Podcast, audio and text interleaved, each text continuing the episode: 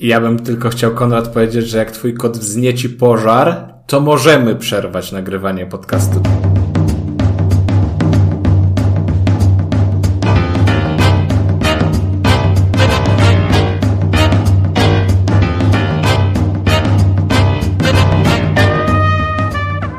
Co obraża Studio Jajo teraz po prostu. Obrażam jesteś, Studio Jesteś Jajo. bezczelny.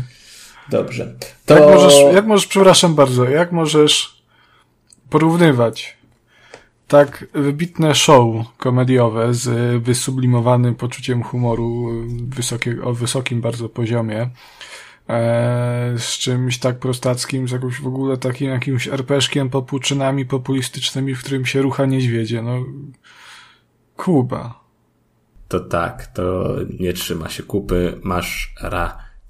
To jeszcze teraz, żeby podsumować i żeby sprawdzić, że naprawdę jesteś fanem studia Jajo, zaśpiewaj proszę czołówkę i lecimy z nagraniem. Studio jajo, co oni tam nadają, aż ręce opadają, jak szyszki z drzewa bęc, nie, jak gruszki chyba. Albo To mi się albo ostatnio, śliwki. osta a może wiśnie to były, ale zawsze jest bęc na końcu, wtedy wchodzi czołóweczka i Ryszard Makowski tam wtedy Psycho Killer, fa fa fa fa fa fa fa fa fa fa fa fa No i A to jest teraz. 48 odcinek podcastu Trójkast, a dzisiaj w naszym wirtualnym studiu jestem ja, czyli Kuba Smolak i jest ze mną Konrad Noga. Dobry wieczór, Konradzie. Dzień dobry, to ja, Jessica z Wałbrzeźna. Ale śmieszna, na... kręciłeś mnie. Szkoda, Kręciłeś szkoda, że obok siebie nie nagrywamy, to mógłbym zrobić taki wiecznie żywy e, psikus, prawda? I na przykład się tam takim talerzem z kremem, ciastem się tak mógł pach rzucić. No w i ciebie. byś mnie mógł jeszcze tak szturchnąć łokciem, tak, tak, ach, tak, no, za ucho pociągnąć. Przez chwilę Albo- bałem się, że powiesz, że oblizać i, i w sumie nie... Oblizać nie też byś mógł. Jeszcze jak! jak najbardziej, jak najbardziej. No i jest nas dzisiaj y, dwóch. Nie ma z nami Kacperka, bo Kacper się spóźnił. Cóż mogę powiedzieć? No po prostu się spóźnił, nie dotarł na czas. Komplikacje były, kolejki jakieś straszne, okrutne, coś zamknęli, jakieś bra... No nie, nic, spóźnił się w każdym razie. No i właśnie go dzisiaj z nami nie ma. Mm, Zanim zaczniemy, drogi Konradzie, ja tylko chciałbym tak, tak przypomnieć, że można nas y, subskrybować, lajkować we wszystkich tych, na wszystkich tych platformach, na których jesteśmy. Także y, śmiało bardzo proszę. No i chciałbym też poruszyć kwestię naszych streamów, gdyż jeden z nich już się wydarzył i wszystko wskazuje na to, że w przyszłości będzie ich więcej. Tak, to nam się podobało, prawda? chaturbate.com slash trójkast. Zapraszamy. Jaki portal? Chaturbate. Ja nie znam chaturbejtów, naprawdę. Znaczy, coś mi świta nazwa, ale chyba nigdy nie byłem. To Kuba, no to trzeba nadrobić. Chaturbate. Chaturbate, czy to jest połączenie czatu i E, Przynęty, tak. przynęty? A, bo, tak, bo tam te panie i panowie jako jest jak to się jak, jako właśnie przynęty używają swoich wdzięków, by Mhm. łowić pieniążki. O, Czekaj, ja, ja sobie to jeszcze aż. E...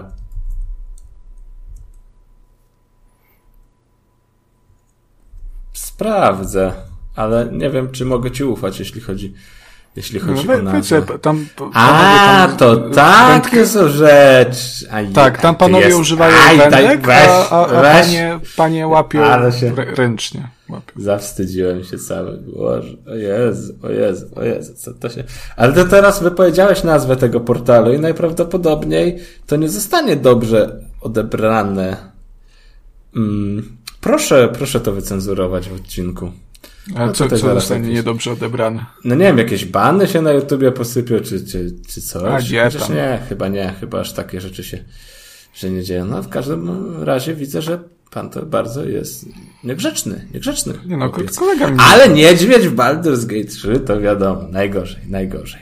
Dobrze, e, wracając do streamów. E, streamowaliśmy sobie za pierwszym razem Darksiders. Genesis, tak? Tak, tak, tak, tak. Dodać. Bo...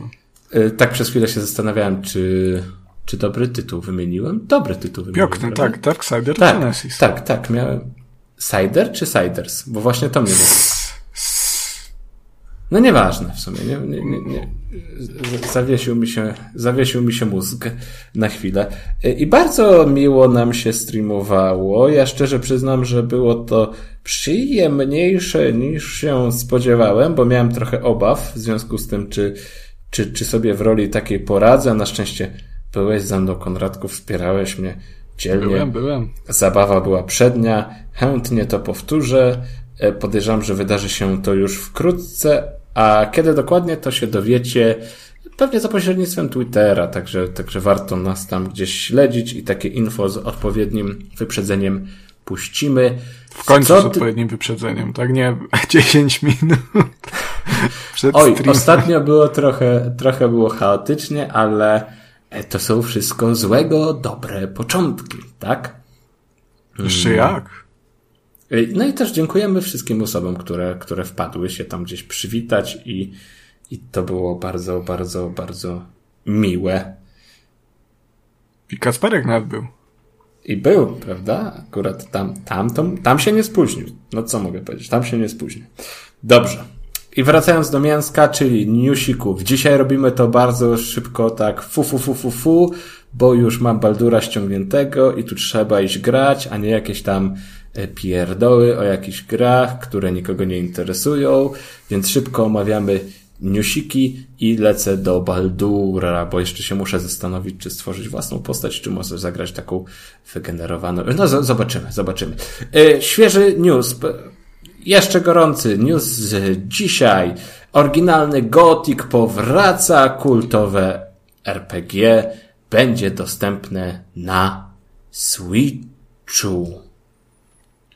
O! I to będzie wersja Gotika.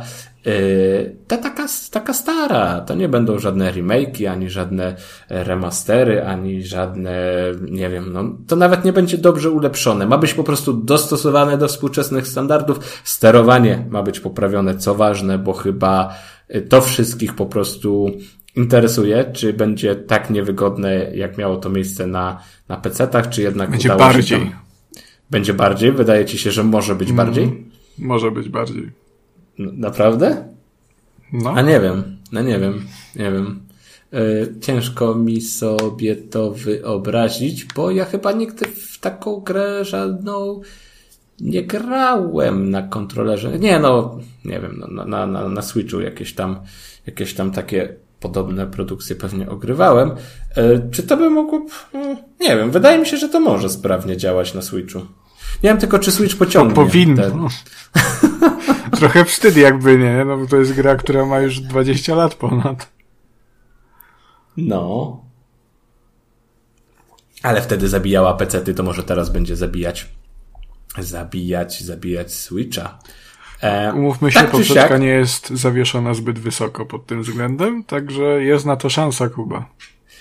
Troszkę mnie zastanawia, e, to po tego gotika miałbyś sięgnąć, bo to jest chyba takie uderzenie czysto w sentymenty, prawda? Żeby, żeby w to zagrały y, osoby, które gotika znają i kochają. Wątpię, żeby gracz, który nie miał styczności z tą marką, chciał je spróbować i chciał to zrobić właśnie na na, na Switchu, chociaż też mam tutaj w domyśle gracza takiego, mm, nie wiem, 16, 18, 20-letniego, który po prostu nie, któremu nie jest do końca z, z, retro. Nie ma jeszcze sentymentu do retro. O, tak bym, tak bym to ujął.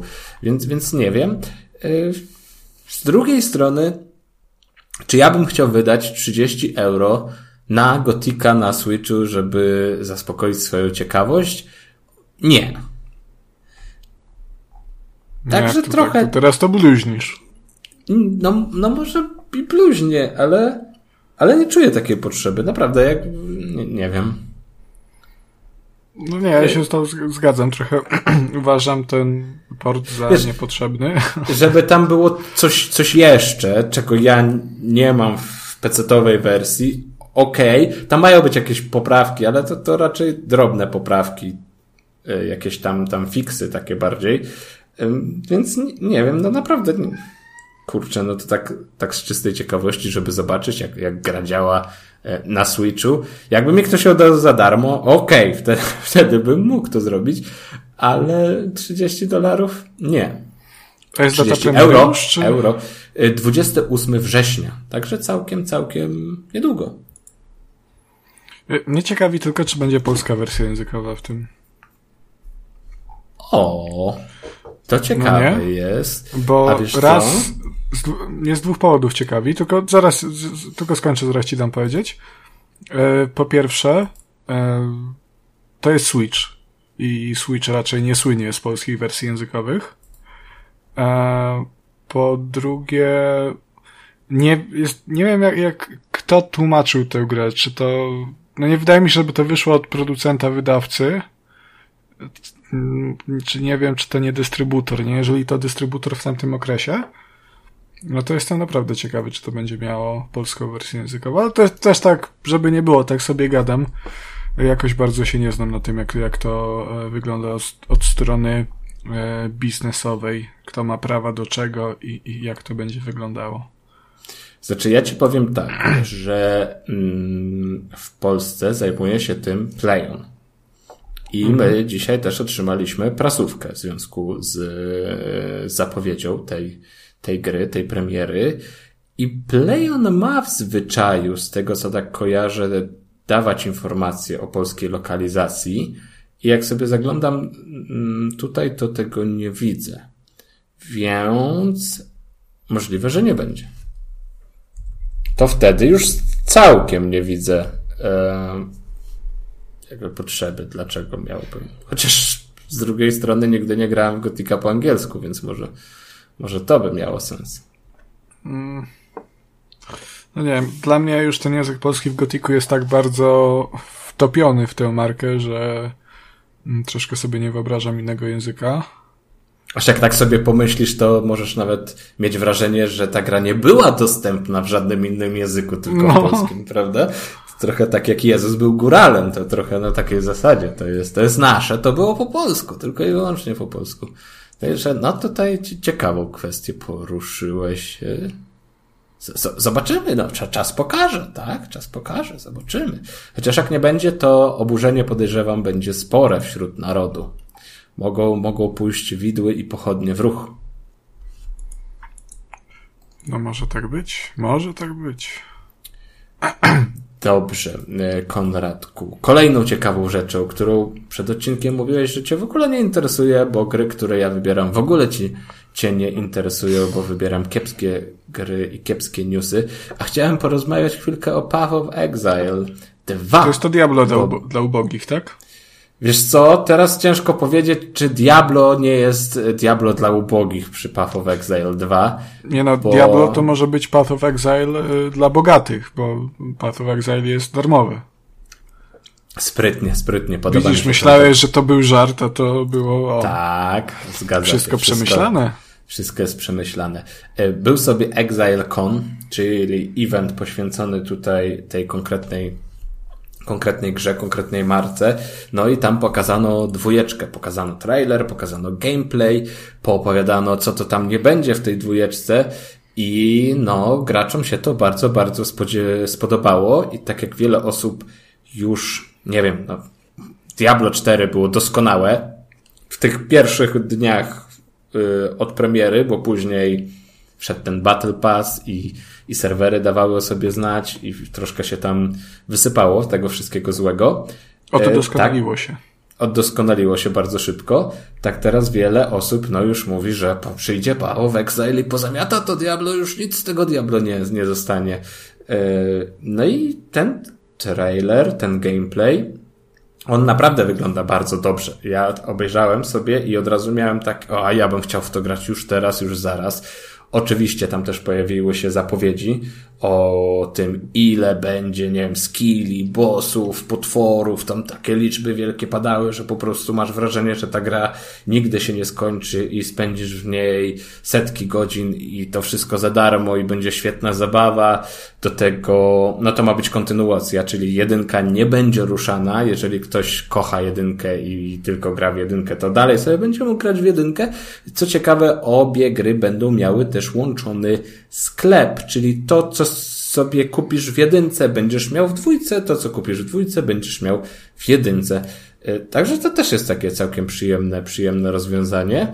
Mm, no i premiera będzie najwcześniej, może być w 24, bo wtedy mają być w czerwcu testy, takie długie testy więc możliwe, że pod koniec, jeżeli by były testy w czerwcu, to pod koniec roku mogłaby się ukazać gra, chociaż też niewykluczone, że będzie dopiero w 2025, także to jest jeszcze bardzo, bardzo daleka przyszłość.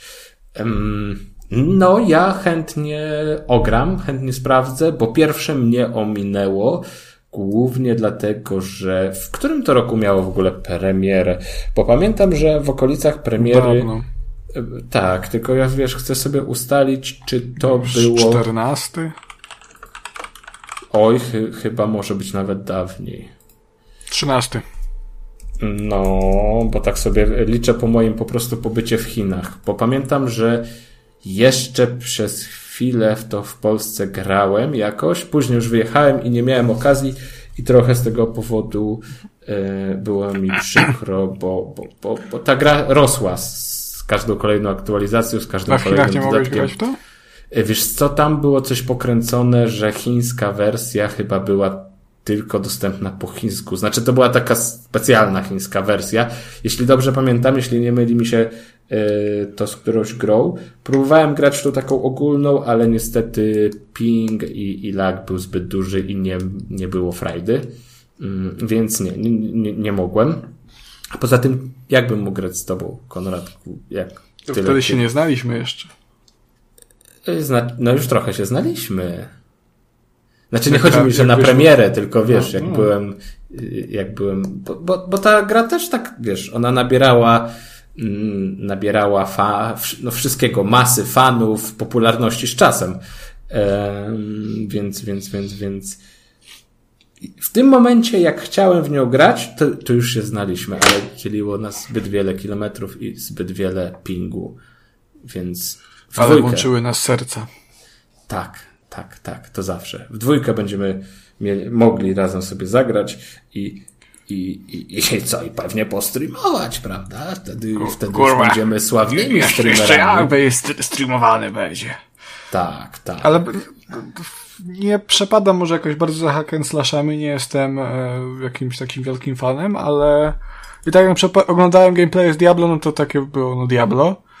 E, tak tu sobie patrzę na ten zwiastun i, i no to jest takie Diablo, tylko takie, takie fajne to, takie to, takie to Diablo. Wiesz co, ja miałem takie wrażenie, odniosłem, e, jak czwóreczkę pokazywali, to ludzie mówili, że to jest, o, to jest bardziej ta taka właśnie mroczna, ciemna, dwójka, nie tak, taka kolorowa trójka, która oczywiście z czasem wytraciła to swoją kolorowość i tak dalej, ale właśnie wiele osób chwaliło czwórkę za to, że to jest bardziej więcej Diablo w Diablo i to jest bardziej dwójka.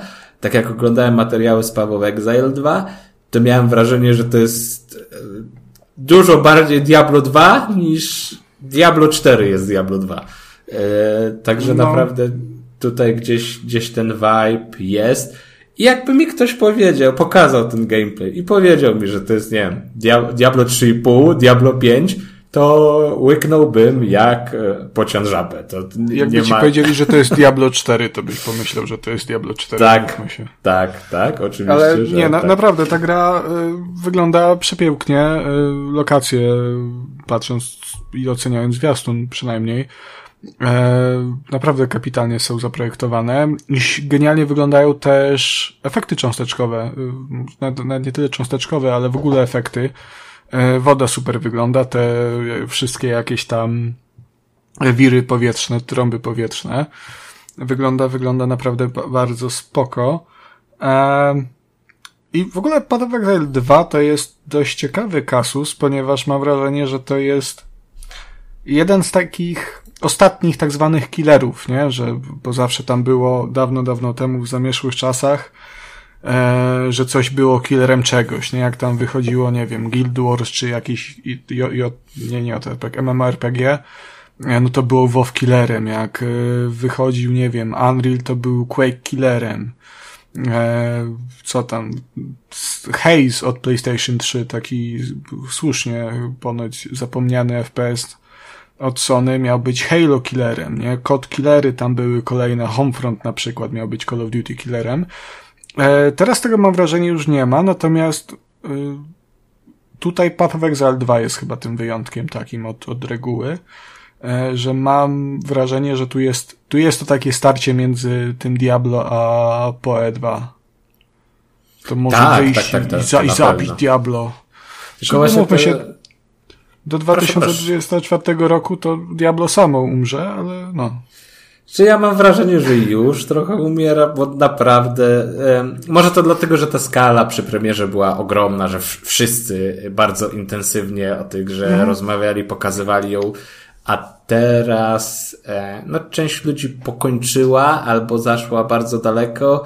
I, I nie wiem, czy to wina gdzieś endgame'u po prostu, który nie jest może wystarczająco angażujący, czy może po prostu tego, że mamy wiele świetnych premier ciągle i na, na okrągło, że nie sposób się w sumie nudzić, chociażby Redfall, prawda? E, Wszystkiego po trochu, myślę. więc, więc cicho jest o tym Diablo gdzieś tam u mnie. No ale to też, wiesz co, wydaje mi się po prostu, że to jest ten kontrast, nie? Bo na premierę i przed premierą wszyscy trąbili o tym Diablo, tak jak mówi zresztą, nawet kot trąbi teraz. E, I nie dało się do spożywczaka wyjść, żeby kasjerka z lokalnym pijaczkę, pijaczkiem nie rozmawiała na temat najlepszego sposobu na ubicie e, bossa. E, No a teraz, jako że już, już to wszystko ucichło i mniej się o tym mówi, to nie, nie jest już na pierwszych stronach gazet w cudzysłowiu, no to przez to, że wtedy było to głośno, a teraz jest ciszej, to wydaje się jakby w ogóle ta gra nie istniała trochę. E, Ona sobie tam żyje, no tam problemy z endgame'em też słyszałem, że są. E, to nie jest w ogóle, w krę- endgame nie jest w kręgu moich zainteresowań praktycznie nigdy, Mm, ale gdzieś to tam do mnie dociera, no ale to jest też taka, wydaje mi się, klasyka gier usług, nie? Że wychodzą, fajnie, fajnie i potem, e kurwa, endgame nie ma, nie ma co robić, po co tu iść, nie ma w co grać i to sumienni twórcy na przestrzeni kolejnych miesięcy dodają tam różne rzeczy. No tak samo było na przykład z Teso, którym katujecie od, od paru A dzisiaj coś przecież, będzie nie? może o Teso? Zdradzisz, nie zdradzisz? No oczywiście, no O. oczywiście, że będzie Kuba. No. Świetnie, świetnie. Ja, wype- ja wypełniam wolę naszych słuchaczy. E, Dwóch słuchaczy e, poprosiło, ab- abym o dodatku do Czyli Teso wszyscy słuchacze. Wszyscy, tak. Wszyscy słuchacze. E, Ja bym tylko chciał Cię jeszcze tutaj pochwalić, Konradzie, gdyż kot tam dość intensywnie mi- miauczał, Ym, no i nie zwróciłeś mu uwagi. Myślę, że tutaj zasługę można przypisać za to Matowskiemu i, i, i, jego ostatniemu e, komentarzowi. Tak, wiem, tak. czy dobrze, Ma- tak. Mateusz, Ma- Mateusz y, był bardzo oburzony, że opierdoliłem kota w trakcie odcinka. W sensie opierdoliłem, że Nie, że zjadłeś. a nie, że zjadłem, bo to... Ani też nie, nie co innego, bo to Bo te odcinki z Chin to- to jeszcze były takie różne, prawda? Tam, tam to trzeba było precyzować, tam nigdy nie było do końca wiadomo. Ale tak, myślę, że myślę, że, że, że, że kot z matem za plecami czuje się pewniej i, i, i lepiej na odcinkach. Na pewno będzie go dzisiaj więcej. Tak Czy ja, nie, ja nie wiem, czy Mateusz by się po, polubił y, z, mo, z moim kotem, bo mój kot ulubioną, ulubionym smakiem karmy mojego kota jest właśnie y, kurczaczek. No, obok kaczuszki, ale kurczaczek to tak. A, a Mat bardzo lubi kurki, kokoszki i takie tam z tego, co, co rozumiem, więc no, To, to to pewien być- konflikt interesów. Zachodzi. No tak, no tak. Dobrze, Konradzie, dawno nie było żadnych indyczych segmentów i, i, i dzisiaj też nie zapowiada się, że będzie, bo nie ma czasu, bo Baldur, ale chciałbym Ci przedstawić pewną grę, która wczoraj zadebiutowała w Early Accessie i już jest o niej głośno i, i pewnie będzie głośno, bo tak jak sobie ją... No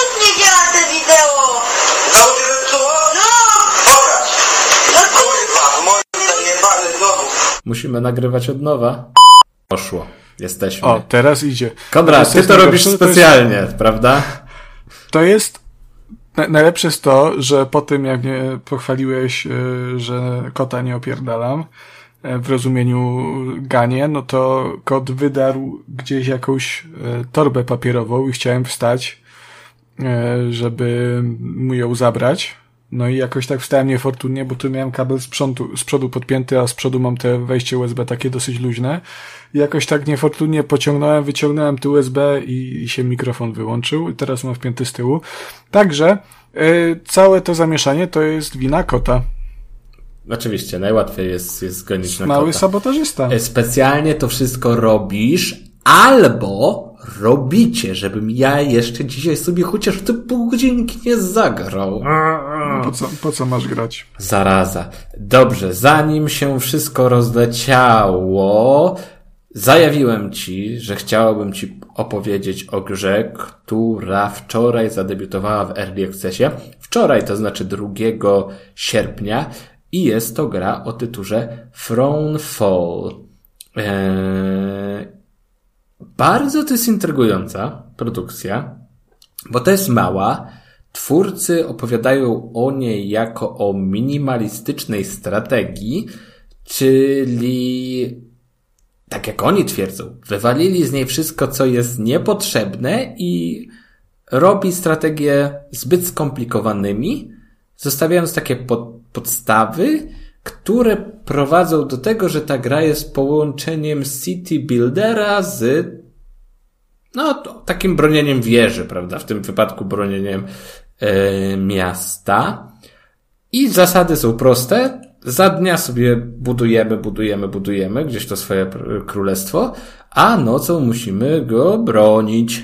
E, to jest dość taki, wydaje mi się, popularny, może nawet powiedziałbym oklepany schemat, ale widać, że w tym wypadku yy, się to udało, bo już teraz gra ma na Steam prawie 600 recenzji, z czego 97 jest pozytywnych, wyobraź sobie, także to jest yy, no, jak na Early Access dwudniowy, to jest rewelacyjny wynik. Mm. I jeszcze teraz sobie sprawdzę szybko, żeby być na bieżąco.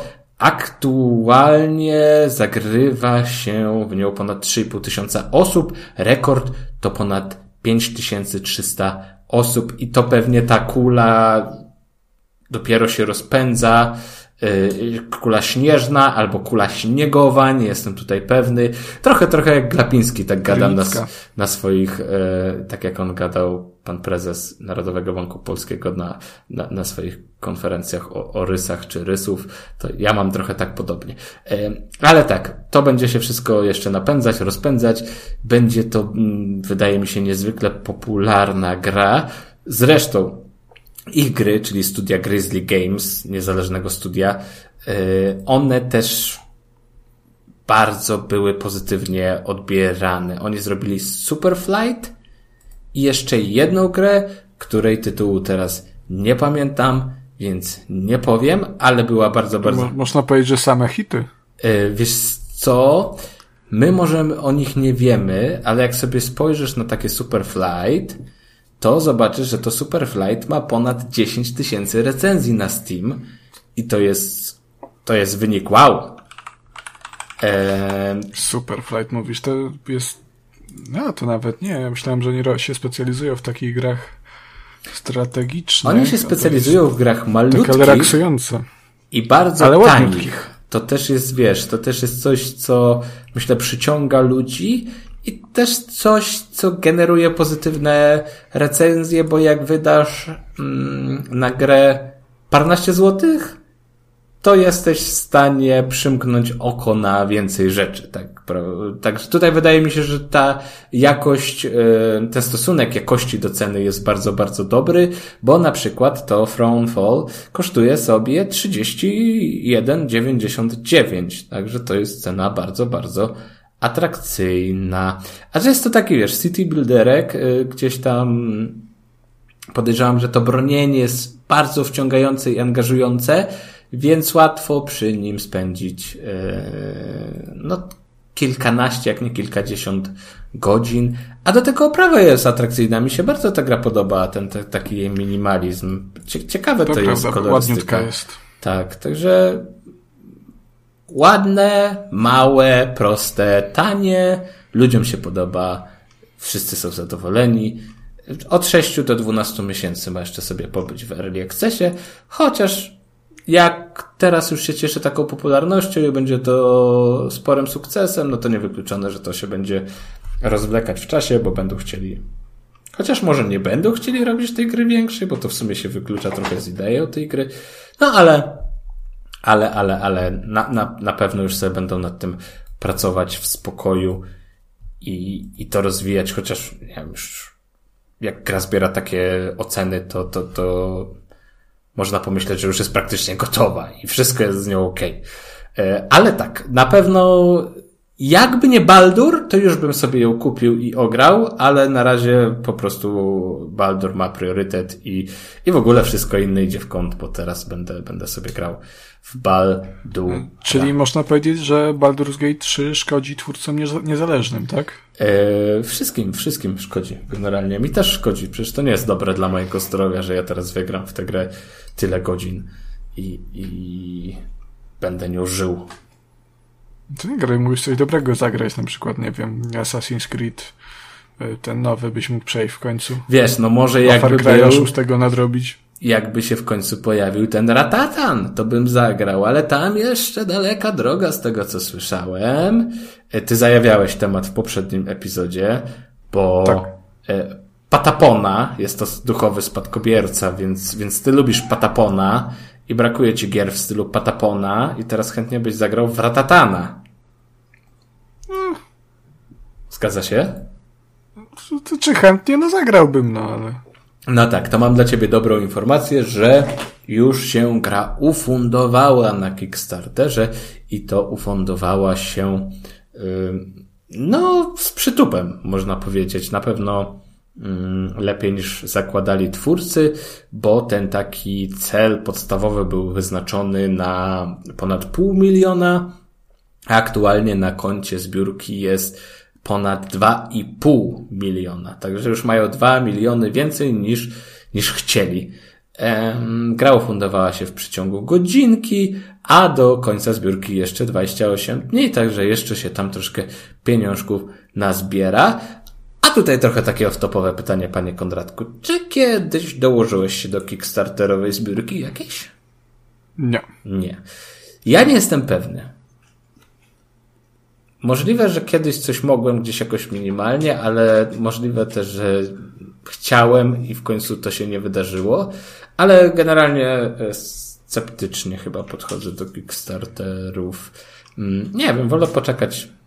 Jak, przeważnie jest tak, że jak e, jest jakiś produkt, który mnie interesuje, to on tak się ufunduje i ja będę mógł.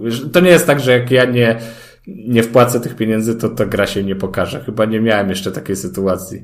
Więc, więc wolę sobie poczekać, aż wszystko będzie gotowe i dostępne tak po prostu w sklepie. A co przemawia za Pana motywacjami odnośnie tego tematu? Niewspierania twórców? Nie słyszałem cię, Kuba, teraz w ogóle, co mówiłeś. E, co, coś w ogóle przerywa nam... No to, to e, nieważne, to po dyskusję. prostu się odnieść do czegokolwiek i będzie okej. E, nie, bo chciałem tylko powiedzieć, że mnie do Kickstart od Kickstartera odstraszają zazwyczaj takie historie jak na przykład ta z Franco 2. E, czyli, czyli historie, kiedy twórcy nazbierają pieniążków, a potem nagle znikną. No ale masz Franco? Wysyłać update'y. Co? Masz Franko, czy nie masz Franko? Nie, nie mam. No przecież się pojawiło to Franko. No ale, no ja, ale pytasz, nie pytasz, czy się pojawiło, tylko czy ja mam. No ale ja tak mam. generalnie mi, mi chodzi, że wiesz, no mówisz, że generalnie mogę mieć, no ale to wiesz, to nie było pewne, nie? No ile to lat to trwało, w którym to zapowiedzieli? 2016 i to nawet nie jest to, co, co miało być, tylko jest trochę coś innego, niby to samo, ale trochę coś innego. E, no i pomyśl sobie, ile ci ludzie, którzy tam wpłacili pieniążki, stresu się najedli. Co mi się wydaje, że ludzie o tym zapominają. Jeżeli ktoś e, wspiera kickstarterowe produ pro produkcje i robi to regularnie, to myślę, że po jakimś czasie zaczyna się gubić w tym, gdzie się wpłacił pieniądze i na co i po prostu czasem coś dostanie w zamian. Star Citizen też 30 lat już powstaje i powstać. To jest w ogóle fenomen. E, ja, ja kiedyś się muszę zainteresować tą, tą grą jakoś bliżej, bo wiem tam tak bardzo ogólnikowo o co tam chodzi, ale no co, no wydajesz pieniądze i jest fajnie, nie? No. To ja to mogę robić w dowolnym miejscu na świecie, to wiesz, to nie jest... Że... No ale wiesz, tu w dowolnym miejscu na świecie sobie nie kupisz o statku kosmicznego, wirtualnego, całej floty, za grube pieniądze nie wykupisz sobie ubezpieczenia. No. Czekaj, wiem, czekaj, czekaj, czekaj, czekaj, czekaj. Ubezpieczenia tego statku kosmicznego? To ty, to ty nie, nie wiesz, że takie coś jest w Star Citizen? No nie wiem, proszę mi to teraz wytłumaczyć. To, to, to jest wątek, no bo, który mnie interesuje. No bo e, masz statek, Bardziej nie? niż ten e, Chatter Tube, tak? Chatter Tube, tak. tak. Na no w Star Citizenie, no twoja co, co Magda wie, że za, takie za, rzeczy za pieniądze oglądasz? Ja z takich rzeczy nie oglądam. Czy zobaczysz kiedyś, to, że... się wirusy Prze... wejdą na komputer, na monitor, zobaczymy kto... Przepra przepraszam bardzo, to, że jestem świadom jakiegoś zjawiska, czy że coś występuje, to nie znaczy, że ja w tym partycypuję, prawda? E, jeżeli tak by było, no to ludzie, którzy wiedzą, że istnieje coś takiego jak, nie wiem, no, y, pedofilia, albo bliżej Baldura może zoofilia, no to by mieli, no już przekichane, prawda, w świetle prawa. No już w sumie można by, można by podejrzewać o mm, jakieś takie, prawda, podejrzane zachowania ludzi, którzy wiedzą o istnieniu trójkastu, na przykład. To też, też mógł być taki wyznacznik. Ale nie o To tym. są może, to, to, to są może e, niepokojące zainteresowania, natomiast e, jakże jakże miło widziane, prawda? Proszę mi o tym ubezpieczeniu e... opowiedzieć więcej, bo, bo, bo ja chcę No wiedzieć. co, no Star Citizen, no kupuję sobie statek, lata se w tym kosmosie, to może dojść, prawda, do kraksy jakich, no nie wiem, piraci się napadną, no a wtedy to ci rozwalą ten statek, nie? Więc no pasowałoby mieć jakieś ubezpieczenie. E, no i może sobie takie ubezpieczenie wykupić, prawda? I nie, nie pamiętam do końca na jakich zasadach to działa, działa, ale to jest chyba coś takiego, że jak ci rozdupcą statek, to po prostu y, z ubezpieczenia ci ten wraca do, do, do hangaru czy coś takiego. No coś fenomenalnego po prostu. Wow.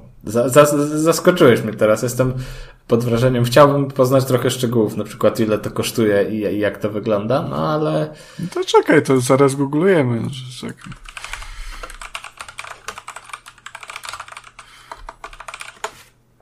Ale jeżeli to jest to, to Star Citizen, to, to nie są tanie rzeczy. Mm, piloci w Star Citizenie mogą wykupić polisy ubezpieczeniowe dla swoich statków i modyfikacji ładunku, to oznacza, że w przypadku zniszczenia, utraty, wypadku lub, wal lub walce otrzymasz nowy statek i lub subsydium na ubezpieczone modyfikacje i ładunek. E, te polisy tr trzeba przy okazji przedłużać. Koniecznie będzie regularne opłacenie przy pomocy UEC, waluty z gry. Eee, czy takie ubezpieczenie będzie drogie? Czy tu jest podana cena? Gdzie to jest?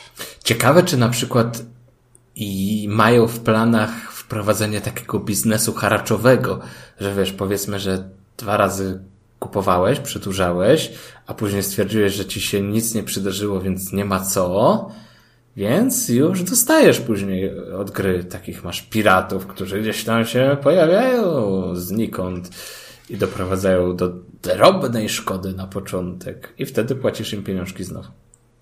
Dobra, z tego co rozumiem, to chyba tego się nie kupuje za prawdziwe pieniądze, to aczkolwiek nie wiem, czy, czy nie, nie ma takiej możliwości, e, tylko za te pieniążki te. No ale pieniążki te da się kupić za pieniążki prawdziwe.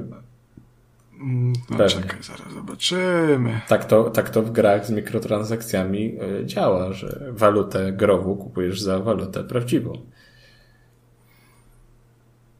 E, tak, można kupić pieniążki UEC za, e, poprzez Store Credit, także e, no, no mo- A kusiło cię kiedyś wziąć udział, na przykład w tej takiej otwartej tam becie czy coś, w tych testach? nie, Nie. nie, nie, nie, nie, nie przepadam za tym, bo już i tak mam w co grać, nie, żeby tracić czas na bety. Dobrze, dobrze. Eee. Bardzo ciekawy off-top. Dziękuję ci. A i jeszcze ciekawostka, w ogóle te cena tych ubezpieczeń to zależy od wielu różnych czynników, prawda? To nie jest tak, że No wiadomo, staż cenę. pilota, ym, rocznik, pojemność statku. Yy, Kto prowadzi, to też ciekawe, bo na przykład u ubezpieczycieli takich samochodowych, ja nie wiem dlaczego, ale chyba kobiety mają wyższe stawki za ubezpieczenie niż faceci, prawda? Myślisz, że kobiety mają wyższe ubezpieczenie? Wiesz co, tak mi się wydaje, że jak kiedyś gdzieś sprawdzałem, y, to, to na pewno było pytanie o płeć i wydaje mi się, że, że, że, że, że, że, że faceci mieli odrobinkę taniej, ale no nie jestem tutaj stuprocentowo pewien. No, ja nie mam pojęcia, szczerze mówiąc, bo no, nie zagłębiałem się, się w te ubezpieczenia. Mam, mam z pracy, to mam z pracy. E, Ale no nie wiem, no wydaje mi się, że faceci są w takiej większej grupie ryzyka chyba, nie? Że, Ale ja wiesz, mówię o autach konkretnie, Konrad, wiesz? A, o autach. O autach, tak. A, y, to tu może nie będę nic mówił. E, No, natomiast też w zależności od poziomu ryzyka ładunki są i ulepszenia są inaczej wyceniane te, te pod względem tych ubezpieczeń. No, fajne takie, no. Fajne, fajne. No. Ludziom to nie przeszkadza najwidoczniej, bo, bo, bo to sobie żyje gdzieś jako projekt, chociaż nie wiem, chyba wiele osób spodziewało się, że to będzie jakieś takie takie, takie, takie, takie, takie, takie mm, Mesjasz. taki, pewnie. taki mesjasz właśnie, takie, taka, taka nowa generacja gier i w ogóle, a, a chyba gówno z tego będzie. No ale to jeszcze 10-15 lat pożyjemy, zobaczymy, co tam się wydarzy. Ym, ale mamy innego Mesjasza. Ciebie zainteresował ten temat, więc proszę opowiedz troszkę więcej o RPG na bazie krzyżaków, chociaż ja mam wrażenie, że my kiedyś już o tym rozmawialiśmy. Tak, tak, rozmawialiśmy, no bo wyszła gra, to jest chyba chińska, tak, od e, Olive Panda Studio, nazy- nazywa się Krzyżacy, The Knights of the Cross i to jest w ogóle chińska gra oparta o prozę Sienkiewicza. Nie zgadniecie o krzyżaków.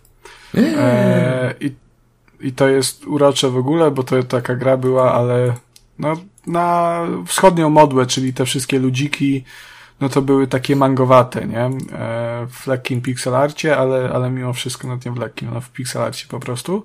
No ale, ale mangowate, nie? No, y, ta Danusia wyglądała po prostu jak, e, to jakby miała UW zamiast, za, zamiast zaraz zrobić. E, Znaczy chodzi też I po tak prostu o portrety tych postaci, prawda? Nie tylko to, jak Tak, one tak, wyglądają tak, na planszy, tak, tak, tylko jak tam się przedstawiają ich lica podczas dialogów i tak dalej. Tak, i, i ten news, który tutaj e, mówi, że mnie bardzo zainteresował i w ogóle, no to jest taki news ciekawostka, to, jest, to, jest, to są te moje newsy takie, e, ponieważ zapowiedziano, że darmowe DLC trafi do gry e, i ono będzie zmieniało wygląd postaci na taki, który, który bardziej przypadnie do gustu odbiorcom z zachodu. E, Czyli to już będą takie normalne buzie, e, też komiksowe, ale z takich ko- komiksów. No bo, no przepraszam bardzo, no te animcowe, mangowate kreski, ja mangę bardzo lubię, prawda? Anime stosunkowo też. No to, no przecież te twarze, no to one nie wyglądają jak prawdziwi ludzie, no to nie, nie ma, nie ma jak, nie? Natomiast tutaj te nasze europejskie, nawet amerykańskie komiksy, no to wiadomo, że jak normalni ludzie wyglądają ci ludzie. Wą, E, wąsy Co mają, fajne, siwe tak, włosy. tak, wąsy mają, No i uśmiechów nie mają na twarzach. I- Posępni są, no posępni. to, no jak w Polsce, no jak, jak będziesz, no, to, to co, uśmiechają się ludzie? No nie. Dla mnie to jest trochę w ogóle DLC bez sensu, bo y, moim zdaniem cały urok tej chińskiej gry o, krzyż o krzyżakach polega na tym, że to jest, wiesz, chi polska, polska historia e, w średniowiecznej Europie z postaciami z anime. To jest koncept tak kuriozalny, że aż fajny i no nie wiem, no to DLC tak odziera to trochę e, z tej unikalności. E, smutna wiadomość e, też jest taka, że mm, no bo wiadomo, jako że postacie w, oryginale były stylizowane na anime, no to pojawiły się ze strony fanów pytania o to, czy będą e, wstawki hentai. Tutaj hentai z japońskiego to takie cimci-rimci jest rysowane z mackami w ogóle i, i no ku smutkowi wielu, wielu fanów twórcy potwierdzili, że nie będzie em, gołych bab i cimci-rimci, ponieważ gdyby było w ich grze, e, to by skończyli w więzieniu. No tak. Czyli, że tak powiem, E, teraz fani tej produkcji muszą działać na własną rękę, tak? Tak, tak, tak. Ale w, w ogóle ujmuje mnie to, to jak oni to sformułowali, bo nie, nie powiedzieli, że o nie, nie, nie, to nie jest, nie, nie będzie tutaj cycorów, bo to nie jest spójne z, nas, z naszą wizją artystyczną, chcemy zrobić poważną grę. Em, tylko powiedzieli, no nie, no, no, jakbyśmy to zrobili, to byśmy poszli do więzienia, co troszkę tak lekko sugeruje, że jakby mogli, to by może było, nie? Także... tylko, tylko mama przed ich powstrzymuje od tego. No cóż, no nie zobaczymy niestety jednak chińska Danusi, prawda, z potworem Katulu, Działa. e, ani, ani z Zbyszko z tym, jak on się nazywał, ten? Z Bogdańcem. E, no z Bogdańcem, nie z Bogdańcem, bo on, on był z Bogdańca, a ten i Maćko też był z Bogdańca, a ten, co co mu oczy i język spoiler wycięli, to który to był? Jurant, o, z, z Jurant. Jurantem Zbyszka nie zobaczymy, prawda? No smutne No to cóż. rzeczy, smutne, ale to, to ciebie właśnie takie rzeczy interesują. Na początku odcinka to udowodniłeś, teraz to... No co ja więcej mogę do- dodać? Ciebie bardziej zainteresowało, ja tylko rzuciłem Jak nazwę, na a ty już tam. A co to? czym się pan co, w wolnym co to? czasie Co to, zajmuje. Konradku? A teraz a to, przechodzimy a to do muszę ploteczek. sprawdzić, zobaczmy. Plotki, czy ploteczki. to, co słuchacze podcastów lubią najbardziej. Dwa zbiegające się ze sobą, próbujące się przekrzyczeć głosy, prawda? Miód dla waszych uszu. Dobrze. y, Segment ploteczkowy, ploteczek jest sporo. Zacznijmy od tego, że według tam zaufanych, ale nieoficjalnych źródeł, y, chyba znaczy, to trochę takie jest dziwne, bo wszyscy o tym w sumie gdzieś tam wiedzą, że ten Switch albo nowa konsola Nintendo powstaje, no bo musi powstawać, nie ma innego wyjścia. No ale e, właśnie się okazuje, że premiera sprzętu planowana jest na przyszły rok. Takie plotki są w sieci. Mm. Ja myślałem, że to będzie szybciej. Ja myślałem, że już w tym roku coś się pojawi, prawdę mówiąc, bo tam Nie, za szybko mi się w wydaje. ubiegłym roku też były plotki, więc, więc te, te plotki są co chwilę. E, Te plotki są od trzech lat przynajmniej. tak, tak, tak, tak. Mm, Też rzekomo, tak jak Switch ma być tym handheldem, więc to chyba nie jest zaskoczeniem. Znowu koncept Switcha tak się udał, że, że chyba wszyscy, wszyscy chcieli, żeby kontynuacja też właśnie na takich zasadach działała. E, więc no, co, co mogę powiedzieć? Mnie najbardziej zastanawia to, jak mocna to będzie konsola, bo po Switchu w, no teraz już powiedzmy w końcówce, mm, chociaż rozmawiamy o tym też już od roku, ta końcówka już trochę trwa. E, On, on sobie tak o radzi, e, ra- raczej gorzej niż lepiej. A też, Z zas- 2018 roku już do podania na ten Switch. a też zastanawia mnie, Konradku, i tak zadam swoje pytanie. Czy ty dasz się drugi raz nabrać na Switcha? Znaczy, wiesz jakie ja rzeczy kupuję, Kuba, nie? Nie, no wiem, to te DLC do krzyżaków, te premium na tych różnych stronach internetowych. No tak. Więc nawet właśnie nie widzę, jak Switch miałby iść z tym w parze, z, z twoimi zainteresowaniami. pe pewnie, pewnie wezmę, no bo jednak lubię giereczki mimo wszystko i chcę być na bieżąco z nimi. Ale tak na premierę, Eee. premierę? Tak, tak, tak, że nówka sprzęt ze sklepu bierę? E, możliwe. E, to także pewnie wezmę, czy jakoś czekam bardzo. No, tak średnio bym powiedział. Bardziej ekscytuje mnie tak naprawdę.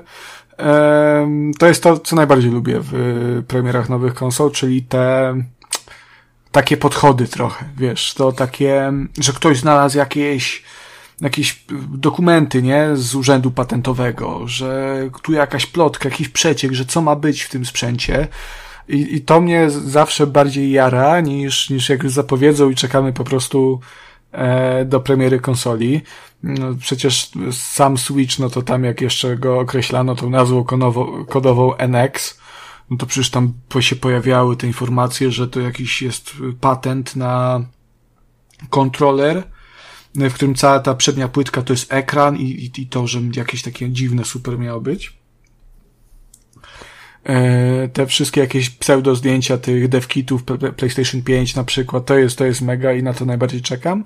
No Switch jak się pojawi, ten drugi, czy to się będzie nazywało e, The Switch, The Nintendo Switch, e, Nintendo Switches, bo to taki jest trend w branży, no to, no to już, no pewnie wezmę, ale, ale no cóż, nie, nie jestem jakoś wybitnie podekscytowany samą konsolą.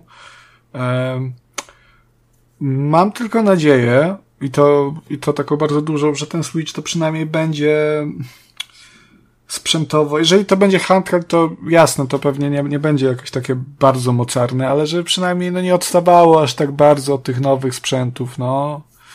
Żeby to pożyło, no bo nie chciałbym znowu sytuacji, kiedy wychodzi konsola Nintendo i ja rozumiem, że Nintendo ono nie bierze udziału w tym wyścigu zbrojeń, ono robi sobie te swoje rzeczy i to jest bardzo fajne.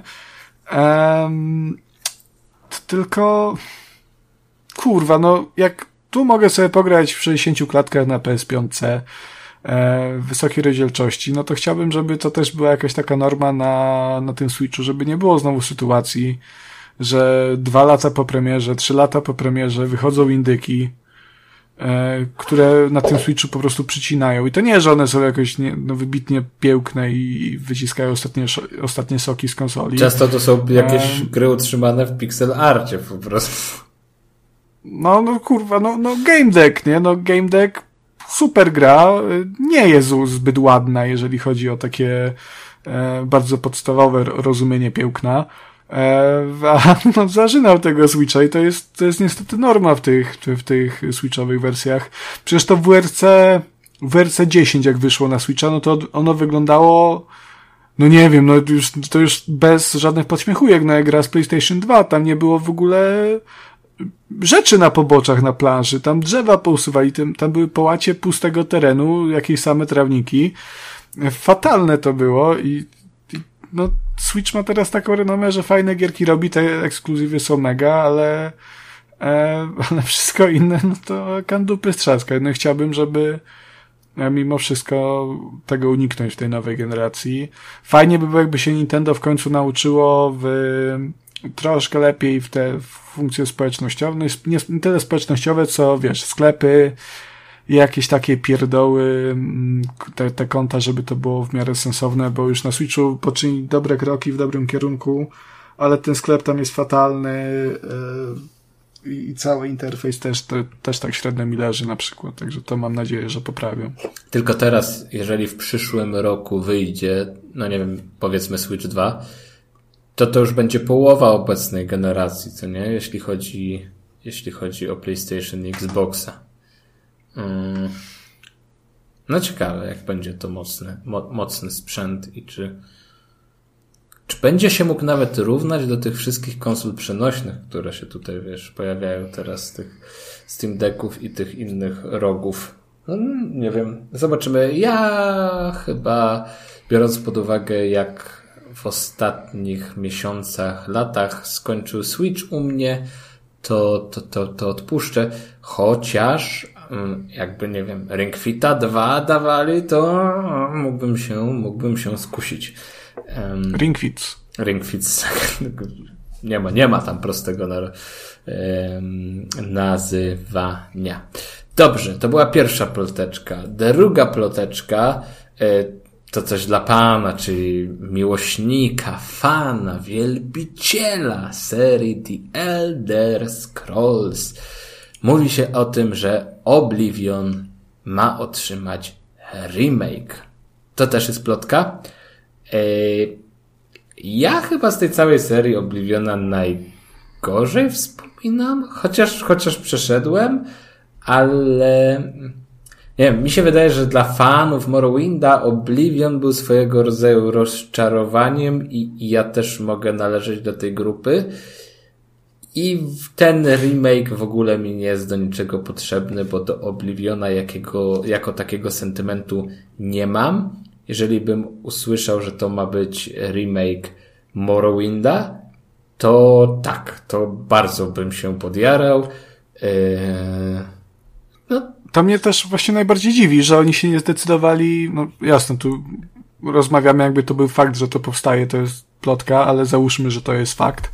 E, tak, na, dla ułatwienia dyskusji, prawda? E, dziwi mnie fakt, że oni by się mieli nie zdecydować na remake Morrowinda właśnie zamiast Obliviona, bo ja w Obliviona nigdy nie grałem, ale też jak, jak, jak, jak e, jakieś oglądam filmy w internecie, e, czytam dyskusje, no to ten Oblivion raczej jest tak e, najmniej... na końcu, on jest na pozytywnie- końcu, co nie? To, Tak, w sensie dalej, dalej jest, jest dobrze wspominany, ale no nie jest tym takim ulubionym tesem t- t- graczy z reguły. Więc, a Morrowind z kolei, no to jest no klasyka, gra legenda i w dodatku jest w tym momencie tak przestarzała, że to jej najbardziej przydałby się remake, a nie Oblivionowi. Tak, i jest jeszcze Bo- sprawa tych wszystkich y, modów i wersji fanowskich gdzieś tego Morrowinda, tego, nie wiem, on się chyba tam Skywind nazywał, jeśli, jeśli dobrze pamiętam. Tego powstaje sporo, to powstaje od wielu, wielu, wielu, wielu lat i, i powstać nie może i to też miały być te Morrowindy na silniku piątki, podkręcone jeszcze wszystko i piękne, tak jak tam od czasu do czasu screeny pokażą albo jakiś trailer, no to po prostu cudnie to wszystko wygląda. E, No ale, ale by się chciało, żeby coś się pojawiło, tak, tak, takie pełne, prawda, takie kompletne. I tutaj tego Morrowinda przyjął, był z, otwartymi ramionami, a a Oblivion to tak. O, Najbardziej bym chciał, żeby Arenę i Daggerfalla zremakeowali i Wiesz co, ja do Daggerfalla miałem kiedyś podejście i bardzo szybko się odbiłem. No, dlatego mówię, że im by się remake najbardziej przydał, bo to są. E... W, Mori- w Morrowinda da się jeszcze grać, nie? On jest przestarzały i, i, śmieszny momentami swo- przez swoją toporność, ale, ale nie odbiega od współczesnych standardów tak bardzo jak Arena i Daggerfall. Mm, są gry fatalnie wręcz przestarzałe i dla największych miłośników retro tak naprawdę. E, Daggerfall wprawdzie ma to, tę wersję na Unity, która gdzieś tam e, wyszła chyba nawet za darmo na Gogu jest dostępna.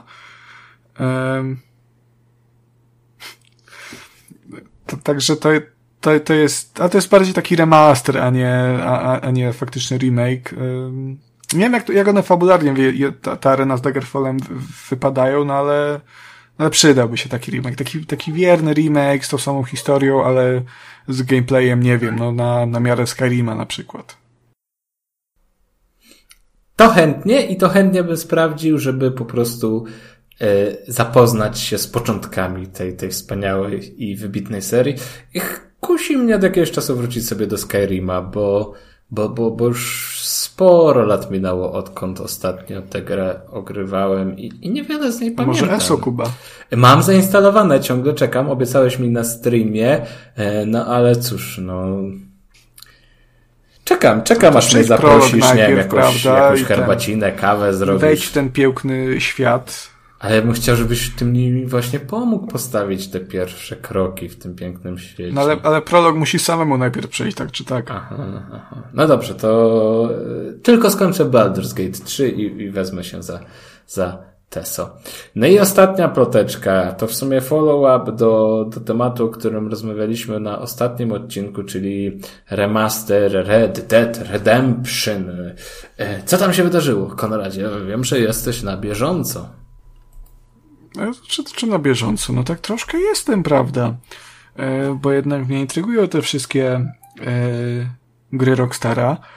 E, tutaj jest, jest e, tak, ostatnim razem jak o tym rozmawialiśmy, e, mowa o remasterze ewentualnym Red Dead Redemption pierwszego, e, no to rozmowa była oparta tak naprawdę o jakieś tam plotki. Ktoś tam powiedział, że brat, wujka, szwagra, siostry, syna, ojca, córki, kolegi, wujka Mietka Kot to ma dzisiaj immunitet poselski. Tam słyszę, że wszystko może robić kot- po prostu i Kot. Kocie, proszę się uciszyć. O ważnych rzeczach rozmawiamy teraz, tak? Ehm, tak, że, ten, no, tam, ten, te, tego słyszał, em, jak ktoś powiedział, że może powstawać re- remaster Red Dead Redemption. E, I coraz więcej takich ró- różnych przesłanek pojawia się mm, właśnie, które skłaniają mnie ku temu, żeby sądzić, że faktycznie to powstaje. No nie tylko mnie, wie, wiele osób. No bo to też takie czysto racjonalne po prostu powody przemawiają za tym, bo, bo to powinno się wydarzyć, tak? E, tak. E, przede wszystkim e, taką jedną z pierwszych przesłanek, no tam wiadomo, pojawiały się informacje, ktoś tam powiedział w jednym z, odcinku, z odcinków jakiegoś podcastu, e, to był ten Colin Moriarty, jakiś tam był redaktor IGN-u, e, że coś tam powstaje. Chyba wtedy żeśmy się na tym opierali. Mm, I potem, potem znowu to samo potwierdzono, natomiast ostatnio się pewne zmiany pojawiły. E, po pierwsze, na stronie Rockstara zaktualizowano logo Red Dead Redemption. Wiadomość niesamowicie elektryzująca. Mój kot po prostu biega po całym mieszkaniu. Ja bym na, tylko chciał, Konrad, e, powiedzieć, że jak twój kot wznieci pożar, to możemy przerwać nagrywanie podcastu. To jest powód, żeby, żeby zainteresować się pożarem, także śmiało mów. Jeszcze chyba daleko do tego. E, No i tak. No i to logo zaktualizowano w taki sposób, że jest lepszej wizualnie wersji. A zamiast tego takiego znaczka TM, oto trademark, mm, czekaj, e, pojawiło się R, które w sumie nie wiem co oznacza. E, I pojawia się też adnotacja, że tam Rockstar Games Present. E, To jest ważne, no bo jakby nic z tym nie robili, jakby to miało zostać na tym Xboxie i PS3, to po co cokolwiek zmieniać? To jest pierwsza z takich przesłanek. A druga to jest taka, że znowu są przecieki z no ze wschodu, od tym razem z Korei Południowej. E, pojawiła się tam e, nowa ocena ratingowa dla, Red Dead Redemption, a, a to już jest takie coś, e, co w zasadzie, znaczy o tym to już chyba wiadomo od dłuższego czasu też mam wrażenie o tym, ale to już mniejsza, mniejsza o to. Pojawiła się właśnie ta nowa ocena ratingowa i to 15 czerwca to wystawiono. Mm. I tak ze swojego doświadczenia, od, od mniej więcej tak od pięciu, pięciu lat gdzieś tam piszę od czasu do czasu jakieś newsy, e, to w zasadzie jeżeli gdzieś w na, na Tajwanie, w Korei Południowej, e, Północnej e, pojawia się jakiej, jakaś nowa strona na tych ichniejszym tam PEGI czy tam SRB, no to w, w zasadzie można potraktować pojawienie się takiej strony z, z oceną gry jako pewnik i że ta gra się powstaje, że ta gra powstaje. Tak na przykład było z Crashem Bandicootem 4. E, Też, też w ten sposób gdzieś on tam, tam wyciekł i faktycznie potem niedługo później zapowiedzieli e, tę grę już oficjalnie. Także myślę, że to już jest tylko kwestia czasu, zanim e, pierwszy Red Dead doczega się remastera. I bardzo fajnie, bo e, to jest jedna z najlepszych gier siódmej generacji konsol, która no, ni- niestety troszkę po macoszemu została potraktowana przez Rockstara. Ja też czekam i też się jaram na możliwość zagrania w tę grę. Jak teraz tak słyszę, co twój kot wyprawia, to mam przed oczami taki obrazek, że ty po prostu siedzisz przed tym mikrofonem taki skulony, zamknięty w sobie, a dookoła ciebie wszystko lata. Co... E, No tak, Tam się sporo dzieje. Ten piesek sobie siedzi na krzesełku i dookoła jest, jest pożar, nie? No to to jest mniej więcej nagrywanie podcastu u mnie.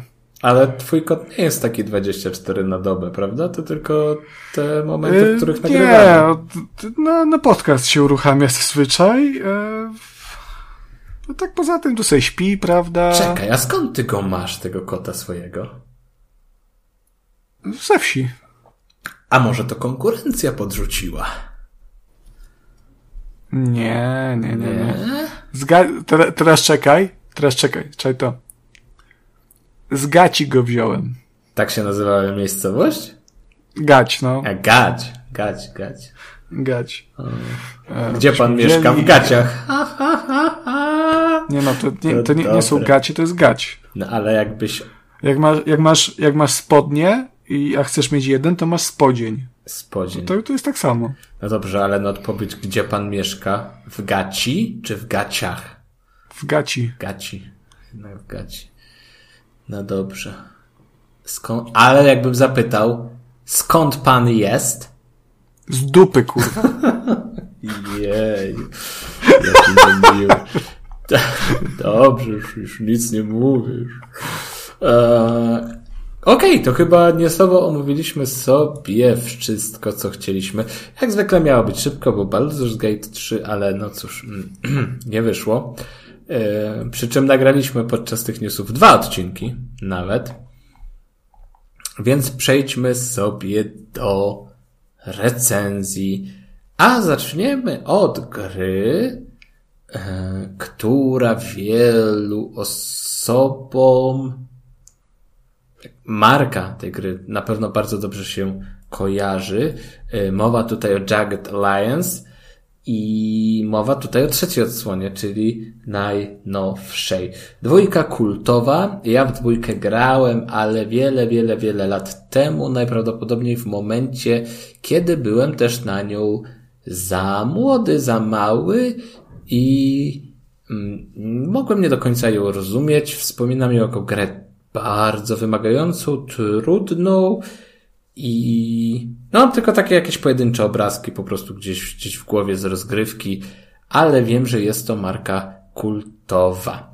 I w momencie, kiedy dowiedziałem się, że trójka jest chwalona i ciepło przyjęta nawet przez fanów po prostu tej marki, to też chciałem ją sprawdzić i dzięki firmie Playon miałem taką możliwość. Za dostarczenie klucza serdecznie dziękujemy i sobie w Jagged Alliance 3 pograłem. E, Nie skończyłem jeszcze, bo to jest gra dość długa, a przy takim modelu rozgrywki bywa męcząca, do czego przejdziemy później, ale już ponad 20 godzin z nią spędziłem, więc, więc e, jak to się mówi, co, co nieco wiem, co nieco potrafię. Mm, No i tak. Zaczynamy sobie od tego, i recenzję w ogóle zaczniemy od tego, że gra nie ma porządnego samouczka, co jest bardzo, bardzo, bardzo złe. Bo dzieje się tam dużo. Dzieje się tam dużo, jeśli chodzi o jakąś ekonomię i takie zarządzanie drużyną najemników poza walką, czyli po prostu rekrutowaniem, yy, operacjami związanymi ze zwiadem, naprawianiem sprzętu, leczeniem i tak podróżowaniem, przemieszczaniem oddziałów po mapie. Tego jest sporo i to w żaden sposób nie jest wytłumaczone. Dosłownie na początku rozgrywki otrzymujemy jakieś pojedyncze gdzieś tam chmurki, okienka wyskakujące. Mm, o co chodzi, ale to też nie wszystkie, nie wszystkie aspekty rozgrywki są, są poruszone. To samo dotyczy już sytuacji na polu walki. Też gra nam nie mówi, co możemy, czego nie możemy, co warto zrobić, jak się zachować. To wszystko odkrywamy sami, przez co gra na początku staje się dużo trudniejsza niż powinna być. Często nas mm, gdzieś karze za rzeczy, za które nie powinna, bo po prostu to nie jest tak, że my coś robimy źle, my po prostu nie wiemy, jak to zrobić, bo nikt nam nie wytłumaczył. Yy, No, no to trochę możemy poczuć się po prostu tacy wrzuceni gdzieś na, na, na, plac zabaw, z jakimiś zabawkami dookoła, ale niekoniecznie wiemy, jak ich używać i o co tu właściwie chodzi. I ten początek mnie trochę przytłoczył, trochę, nie wiem, nie chcę powiedzieć, że zniechęcił, ale był, był taki, taki szorstki, nie do końca przyjemny, bo, bo, bo czułem się zagubiony miejscami. Później, jak już e, troszkę tej gry doświadczyłem, właśnie metodą prób i błędów, to się w nią wciągnąłem. I wciągnąłem się głównie za sprawą walk turowych, bo, bo to zarządzanie na mapie, oddziałami i tak dalej, to, to mnie osobiście mnie interesuje, ale same walki turowe mi się spodobały i, i nie jest to może, one się nie odbywają może w takim moim najulubieńszym systemie, najulubieńszym schemacie, ale jest ok.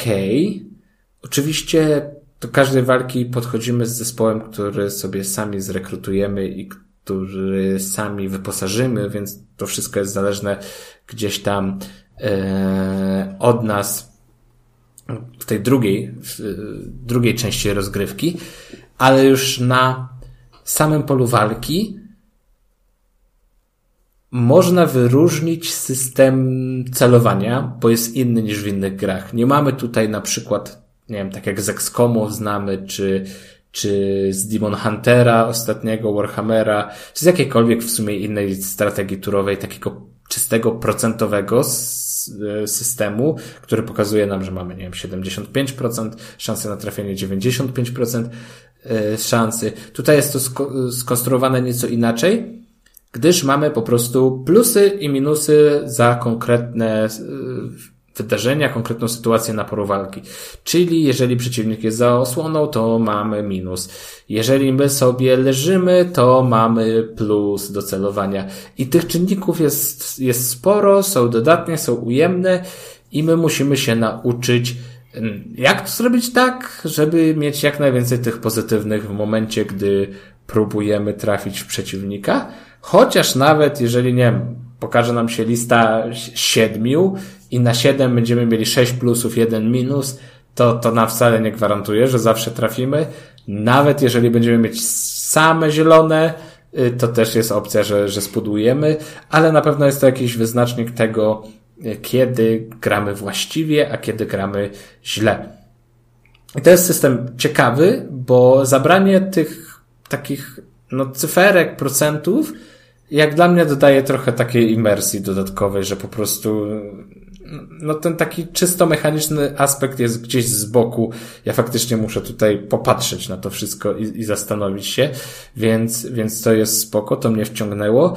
I, i sama wymiana ognia pomiędzy, pomiędzy poszczególnymi postaciami jest, jest fajna, bo widać jak trafiają, widać gdzieś jak ten pocisk leci. W przypadku pudła, nie wiem, odbija się gdzieś od kamienia obok i rykoszetem leci w drugą stronę. Mm, czy też takie ataki z bliska, gdzie tam gdzieś strzelby widać, że po prostu walimy przeciwnikowi prosto w głowę, która mu się rozbryzguje na, na dziesiątki kawałeczków. Y, to jest wszystko bardzo fajne i bardzo widowiskowe, ale miałem na przykład ogromny problem i, i sporo uwag mam do systemu skradania się, bo w sumie to nie wiem po co on istnieje, bo za każdym razem jak próbowałem się gdzieś poskradać i wykończyć przeciwnika na jak najwięcej przeciwników z zaskoczenia e, przed rozpoczęciem tej takiej walki właściwej, bo to jest tak, że na początku każdej lokacji sobie chodzimy tak, tak normalnie w trybie rzeczywistym, a jak zaczniemy walkę, to dopiero przełącza się ona na turową i, i tak mi się wydawało, że jeżeli mam jakąś postać w drużynie, która się specjalizuje właśnie gdzieś tam w walce wręcz i, i w skradaniu, to będę w stanie się um, poprzedzierać gdzieś tam pomiędzy przeciwnikami i spróbować wykończyć jak najwięcej wrogów po cichu. To kompletnie tutaj nie działa. Jest, da się to jakoś zrobić czasami, czasami zadziała, czasami nie. Jest bardzo chaotycznie, nie do końca wiadomo o co chodzi więc tutaj duży, duży minus. W ogóle jest się ciężko w jakiś sposób przygotować do samej walki, bo czasami jedyne co możemy zrobić to po prostu poszukać pozycji, gdzie jesteśmy wyżej, co daje nam jak, jakąś tam przewagę nad przeciwnikiem i, i tyle. Mm, co jest trochę słabe, bo każdą lokację, którą spotkamy w grze, możemy gdzieś tam przeszpiegować, dowiedzieć się więcej na jej temat, poznać słabe i mocne punkty, po czym finalnie sprowadza się do tego, że, że, że, że nic nie wiemy i trochę chaotycznie się to wszystko zaczyna. Więc ten wstęp jest ciężkawy. Y, ciężkawe też jest w tej grze to, że ona nam w sumie nie daje żadnej taryfy ulgowej. Jeśli najemnik ginie, to, to ginie. Musimy zrekrutować sobie nowego, a pieniążków jest mało, bo gra też tak naprawdę nie tłumaczy nam na początku o co chodzi z tymi wszystkimi pieniędzmi, jakie pozyskać, jakie wydawać. No to ci tłumaczę, bardzo, bo to bardzo proste jest. Roboty się trzeba wziąć, prawda? I za tego pieniążka możesz sobie coś kupić. Dajesz komuś pieniążka, ktoś ci daje coś. I to tak pieniążki działają. To tak działa, Konradzie, tylko na odpuście. Odpuście parafialnym.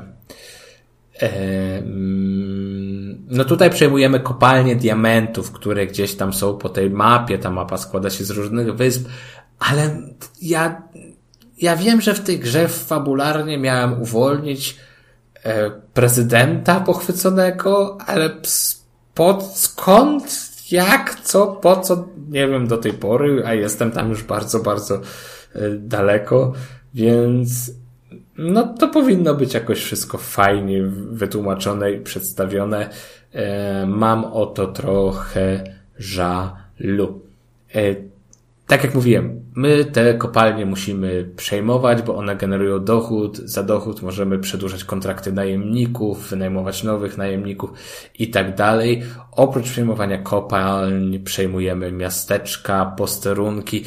Generalnie staramy się odzyskać jak najwięcej terenu, jak najwięcej mapy z rąk tych złych niewolników, którzy tego prezydenta porwali. Oczywiście im przewodzi taki no, zły, czarny charakter, który jest naszym takim celem ostatecznym. Mm, ci bohaterowie, których rekrutujemy, są fajni. Tam widziałem, że, że Twittera zalała fala screenów gdzieś tam z, e, czekaj, jak Bobim, Bobim Gontarskim, albo po polskie imię, tak? Tak, bo to jest właśnie Polak, były strażak i ponoć kultowy bohater z dwójki. Ja nie pamiętam, więc tutaj nie, nie mogę tego potwierdzić. Yy, jeśli ktoś może, to poproszę w komentarzu.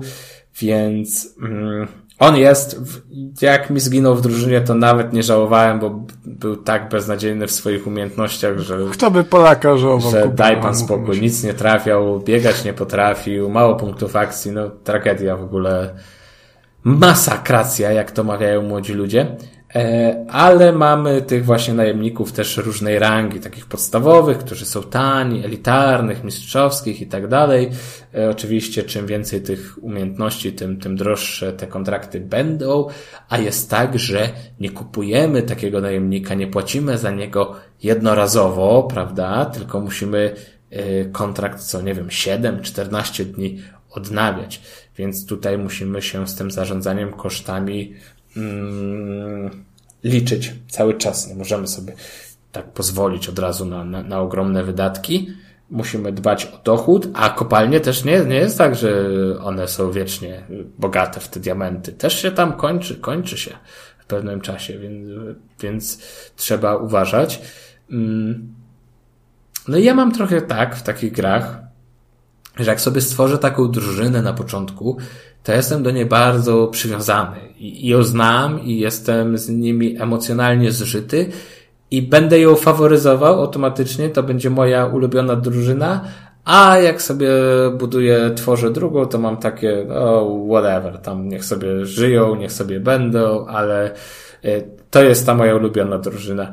No i jak z moją ulubioną drużyną działo się coś złego, e, to, to przyznaję się szczerze, że zdarzało mi się, prawda, wczytywać i powtarzać dane, to w ogóle ja chyba wgrałem w tę grę trochę źle. Bo jak raz wlazłem do takiej naprawdę wymagającej lokacji, gdzie przeciwnik miał tam sporą przewagę liczebną i w ogóle to miał w swoich szeregach jeszcze takiego ogromnego krokodyla, który ten tak dziabiał, dziabał, że łosłodki Jezu, to zamiast... No pokaż jak dziabał. Am, niam, niam, niam. No, tak o, dziabał, no. Tylko, że dużymi zębami. Ja nie mam takich dużych zębów, ale on miał. Mm, Wyobraź sobie. E, wracając. I Właśnie, i żeby się tam, wiesz, wycofać, nie wiem, dołożyć kogoś do tego oddziału, albo wrócić do niego za 10 misji, kiedy moja drużyna będzie mocniejsza, to ja się męczyłem z tą misją tak długo, aż udało mi się ją przejść. I to męczyłem się na zasadzie, wiesz, no, wczytaj, zapisz, wczytaj, zapisz, wczytaj. Yy, więc to chyba tak się nie powinno grać w tę grę, bo ona powinna nas, no, w momencie, w którym przegramy, powinniśmy porzucić to za sobą i, i zatrudnić nową drużynę i spróbować jeszcze raz. Ja wolę jednak ten wariant z wczytywaniem się i ponownymi próbami jako, jako wyzwaniem. Ale znowu odbiegłem od od tego, o czym chciałem opowiedzieć, czyli o tych bohaterach. Oni są opisani specjalnymi statystykami, umiejętnościami, nie mamy snajperów, snajperów, strzelców, mamy takich, co radzą sobie świetnie z materiałami wybuchowymi, medyków, mm, mechaników, także tutaj też musimy kompletować naszą drużynę tak, żeby się wzajemnie uzupełniała, bo sami strzelcy nic nam nie dadzą, jak trafimy na pole minowe, na którym nie będziemy w stanie wykryć min i po prostu porozrywa nas na wszystkie strony, na, na strzępy. Yy, Tak samo no, w każdej drużynie wypada, żeby był medyk, bo no, tylko medyk może leczyć rannych, którzy, którzy gdzieś tam są na skraju śmierci, więc każdą drużynę trzeba odpowiednio skompletować i, i to też jest fajnie, fajne, bo widać, e, jak te jednostki się uzupełniają, gdzie brakuje, gdzie trzeba dołożyć i to też jest aspekt ok. Oczywiście ci bohaterowie też się rozwijają z kolejnymi umiejętnościami. Skille jako takie im nie dochodzą i mają ich mało, takich indywidualnych. Czasem jest to gdzieś tam zależne od broni, mm, ale dochodzą im statystyki atrybuty, czyli takie stałe, oraz jakieś tam zdolności pasywne. Więc warto dbać o to, żeby z misji na misję awansowali na kolejne poziomy i też mają swoje charaktery, co jest fajne, bo w trakcie walk gdzieś tam są takie drobne dialogi, albo na przykład jedna pani mówi, że chce więcej pieniędzy, bo nie będzie pracowała z tym panem, mm, a tam sobie gdzieś do, dogryzają albo schlebiają w międzyczasie, więc to jest okej. Mm, No i, i zastanawiam się jeszcze, jakiego aspektu tej gry nie poruszyłem, bo ona jest dość spora.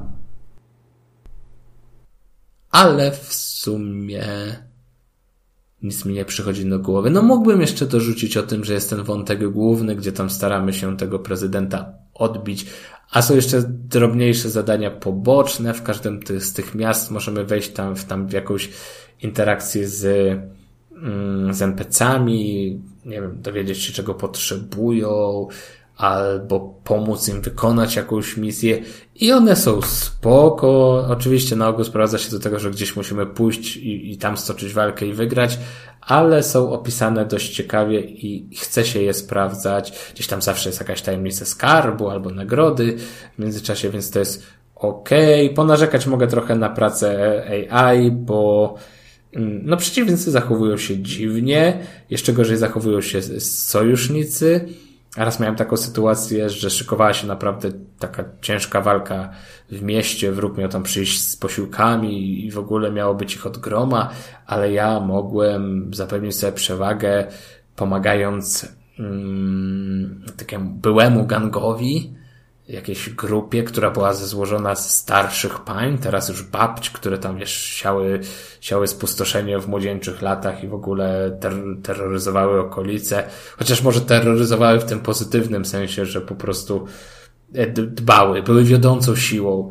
I mm, miałem im pomóc, a y, za to miałem otrzymać ich pomoc w momencie, kiedy na, nadciągną, nadciągnie wróg i dojdzie do walki. No i zrobiłem to i bardzo liczyłem na ich wsparcie, a okazało się, że one gdzieś tam sobie po prostu biegały z tyłu, w ogóle chowając się za osłony bez sensu i, i koniec końców musiałem tę walkę stoczyć praktycznie sam. Więc to AI gdzieś czasem, czasem, czasem świruje. Y, Też nie zawsze jest czytelne to wszystko, co widzimy na ekranie, bo przenoszenie gdzieś widoku postaci pomiędzy piętrami danego budynku jest męczące, y, nie zawsze to widać. Y, czasami też to chowanie się za gdzieś osłonami, czy to, czy jak pójdziemy w dane miejsce, to będziemy mieć widok na przeciwnika, też czasami nas może wprowadzić w błąd, bo niby nam podświetli, że będziemy mieć, ale się okaże, że to jest tak zwany atak na ślepo, czyli szansa trafienia jest bardzo, bardzo nikła. I, i no tutaj też należałoby nad tym popracować, chociaż core tej gry opiera się właśnie na, na zarządzaniu drużynami i walkach, i to jest bardzo wciągające. Ta, ta walka za walką to po prostu siada, bo mamy takie właśnie poczucie tych, tych sukcesów ciągłych i to, i to jest spoko.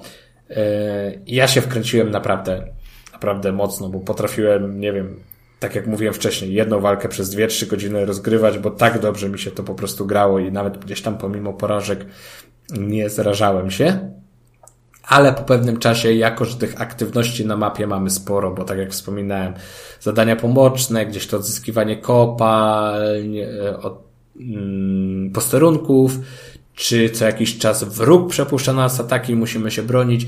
Tych walk toczymy tutaj dużo. Jest teoretycznie system automatycznego rozwiązywania walk, na który sobie możemy pozwolić w przypadku E, sytuacji, gdzie mamy sporą przewagę nad przeciwnikiem, ale też nawet jak z niego skorzystamy, to po prostu będziemy w plecy. Prawdopodobieństwo tego, że jednostki zostaną ranne jest dużo wyższe, a zasoby, żeby je uleczyć i czas, który tutaj też jest na wagę złota, bo tak jak wspominałem, za te kontrakty płaci się, płaci się z czasem, y, no nie, nie są tego warte i, i zawsze lepiej rozegrać walkę samemu, gdzie z wykorzystaniem snajperów możemy rozwalić przeciwnika nawet zanim zdąży się do nas zbliżyć, więc tutaj tych walk musimy stoczyć sporo i z czasem one mogą zacząć się naprzykrzać. Dobra, to chyba tyle, aż czuję, że mi się gardełko zdarło. To se dupnij browarka. Ja od ciebie powiem szczerze, że ja e, tak jak sobie słucham o tym Jagged Alliance 3, jak gdzieś tam czytałem wrażenia internetowe, czy to twoje, czy to e, innych internetowych wariatów, internautów, um, oglądałem jakieś zdjęcia, to strasznie mnie kręci pomysł na tę grę i w ogóle na serię, nie? Że, że takie tworzenie tego swojego oddziału najemników, najmowanie nowych i jest takie, no, strasznie fajne, natomiast no, ja jestem straszna dupa, jeżeli chodzi o e, gry taktyczne, nie mówiąc już nawet o strategicznych. Mm, więc wiem, że pewnie bym. Ale to tam jest taki specjalny, specjalny tryb, jest, z którego mógłbyś skorzystać. Taki tryb y, relaksujący, pobłażliwy. Chociaż nie wiem, no, no nie wiem, ta fabuła tej gry nie jest, wiesz, na tyle porażająca, żeby chcieć ją ogrywać dla fabuły. Ją się raczej ogrywa właśnie dla tego takiego taktycznego wyzwania. No, spróbowałbym, szczerze mówiąc. Ja mam jakieś jagedy, te stare, yy, gdzieś, nie wiem, czy to z gazetek, czy to z jakichś bandli. Więc pewnie kiedyś sobie sprawdzę. I, I trójka też jest na moim radarze. No, fajnie wygląda, no. Mimo tych swoich problemów, jakie tam ma, to, no nie wiem, no nęcąco to wygląda. Ten klimat tych e, rajskich wysp, e, no mimo, że to są też takie, no jakieś chaty po prostu z patyków i gówna, e, to jest bardzo, bardzo fajny i całkiem przyjemnie to wygląda. Tak, to się zgadza. To takie jest, e, taka ciepła wizualnie gra, chociaż jeśli chodzi jakby o jakość grafiki, i nie wiem, postaci, animacji, to mi się to bardzo kojarzyło z Wasteland. Więc to, to coś takiego, takie, takie, tak, tak, bardzo ładne, niefenomenalne, ale też czujesz, że nie potrzebujesz więcej. E, bardzo podobną stylistykę, przynajmniej pod względem klimatu i tej architektury, tych właśnie takich jakichś baraków, z gówna i patyków. E, nawet kolorystycznie trochę. Ma, ma też yy, Dying Light. Enhanced Edition. Płynne przejście. Teraz opowiem. Płynne przejścia, tak, kurde, byniu. Jest to recenzja na specjalne życzenie Janusza Ziłkowskiego, którego serdecznie pozdrawiamy. E, I e, Ale cóż, to no to jest stara gra, nie ukrywam. Przepraszam, jeszcze ci przerwę. Że słuchacze bardzo lubią twoje recenzje, bo ty zawsze najwięcej tych zapytań dostajesz. No, bo, bo ja o ciekawych grach opowiadam. Teraz jestem prawda? troszkę zazdrosny. do TESO. E, dziesięcioletnia gra, prawda? No to takie tam. W którym roku Dying Light wyszedł? W 2016? Panie, to W 16, było tak, tak. dawno. Kurde, dawno temu było. E, więc to jest taka bardzo e, nieświeża recenzja, ale to pasuje, bo, bo to jest gra o, o żywych trupach, które no też no jakby z natury to tak średnio są świeże. E, I cóż, no w końcu nadszedł ten czas, żeby zmierzyć się z jednym z hitów, polskich hitów poprzedniej generacji, e, właśnie z Dying Lightem, który wyrósł przecież z Dead Island, też techlandowskiego, bo i Dead Island i Dying Lighty e, robił e, Techland. Mm, Dying Lighty wciąż robi zresztą, no dwójka wyszła w zeszłym roku, tak? Na początku Kacper to recenzował, chwalił z tego co pamiętam. No i ja sobie pozwolę e, teraz pochwalić e, Dying Lighta mm, pierwszego, a nie drugiego. Mm, W sumie zabrałem się to się za to e, głównie z tego powodu, że Kuba mi spre sprezentował na urodziny taki ładny prezent mi no, dwójeczkę sprezentował i fajnie dziękuję Kubusiu, więc Ale ja byłem przekonany, że ty jedynkę masz za sobą dawno, dawno temu. Nie, nie, nie. Postanowiłem nadrobić właśnie przed dwójką. Em, zwłaszcza też, że Dying Light dostał. No nie pamiętam kiedy, szczerze powiedziawszy, jakoś tak stosunkowo niedawno. E, Na przestrzeni ostatnich, no, dwóch i pół roku na pewno. Aktualizację e, darmową, z tego co rozumiem, e, do wersji next-genowych, co oznacza mniej więcej tyle, że działa w wyższych rozdzielczościach a na PlayStation 5 i Xboxie Series X można zagrać w niego w płynnych 60 klatkach i to są takie klatki, które faktycznie śmigają bez y, zaję- zająknięcia. W grze trafiamy do Harranu, czyli to jest z tego co rozumiem em, fikcyjne miasto osadzone gdzieś chyba w Turcji bym powiedział e, czy, czy gdzieś w jakichś Indiach. Co, coś to jest mniej więcej ten, ta, ta, ta strefa świata. Wydaje mi się, że to jest bardziej Turcja, e, gdzie jako kraj na zlecenie organizacji nazywającej się jako GRE zostajemy wysłani, aby odnaleźć jakieś tam an- antyzynę oraz informacje, które wykradł bodajże, czy też przechowuje e, pan, który nazywa się Em, No i oj, nie, nie pamiętam jak się nazywa, ale taki, taki zły, zły pan, ja takie niemieckie trochę nazwisko ma, więc wiadomo od razu, że zły.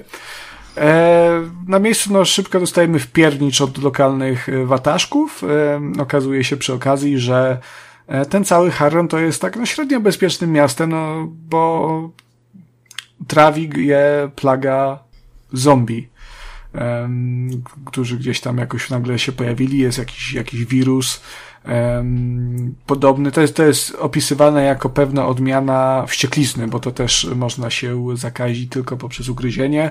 E, bardzo jest to odkrywcze, ale, ale no, jakby, no, trzeba się spodziewać, no każdy wie czym zombie jest. I w trakcie tej fabuły staramy się odnaleźć tego, tego gościa, e, znaleźć tę em, antyzynę, te, te, te dane. Mm, No i oczywiście poznajemy ludzi, którzy tam przetrwali, e, różne ugrupowania, związujemy się z jednym mm, i śledzimy tę e, jakby te, te zależności pomiędzy nimi, rozwijamy nasze, nasze interakcje i to jest taka historia dość prosta. To, to nie jest opowieść, która zapadnie wam na długo w pamięci. Natomiast śledzi się to całkiem przyjemnie, jest, jest y, w miarę wciągająca i motywująca do e, działania, no ale nie, twórcy raczej nie starali się tutaj ukryć tego, że główną rzeczą, która do Dy- Dying Lighta ma przyciągać jest gameplay.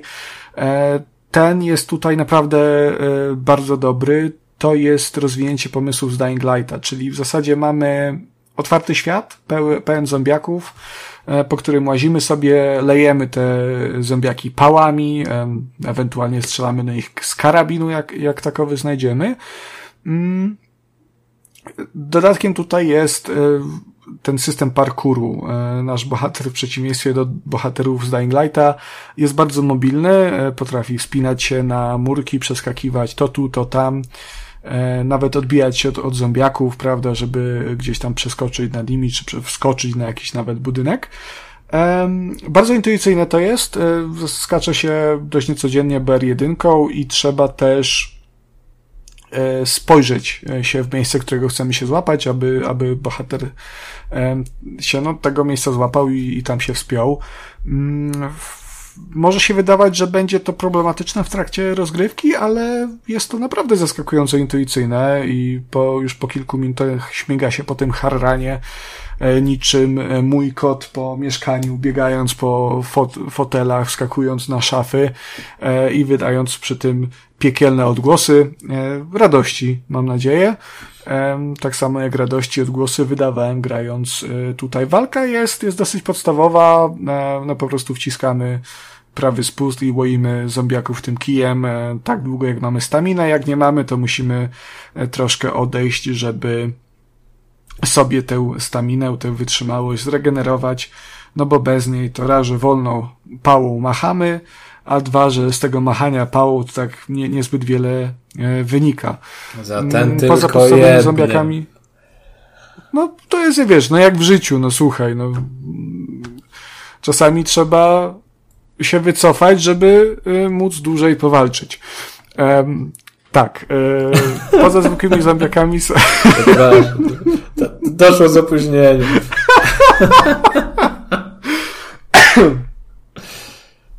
Wujek, dobra rada ze mnie, tak? E, Poza zwykłymi zombiakami są też zombiaki specjalne i to już taka klasyka totalna. Mm, jeżeli graliście w Left 4 Dead, no to od razu rozpoznacie jakiegoś tam e, plującego kwasem gnoma. E, są też wielkie takie byki z młotami, które jak pizną to ino roz. E, no i tutaj ciekawe jest, te, jest też to, że w nocy wychodzą trochę inne zombiaki. One się nazywają chyba sprintery, czy jakoś tak.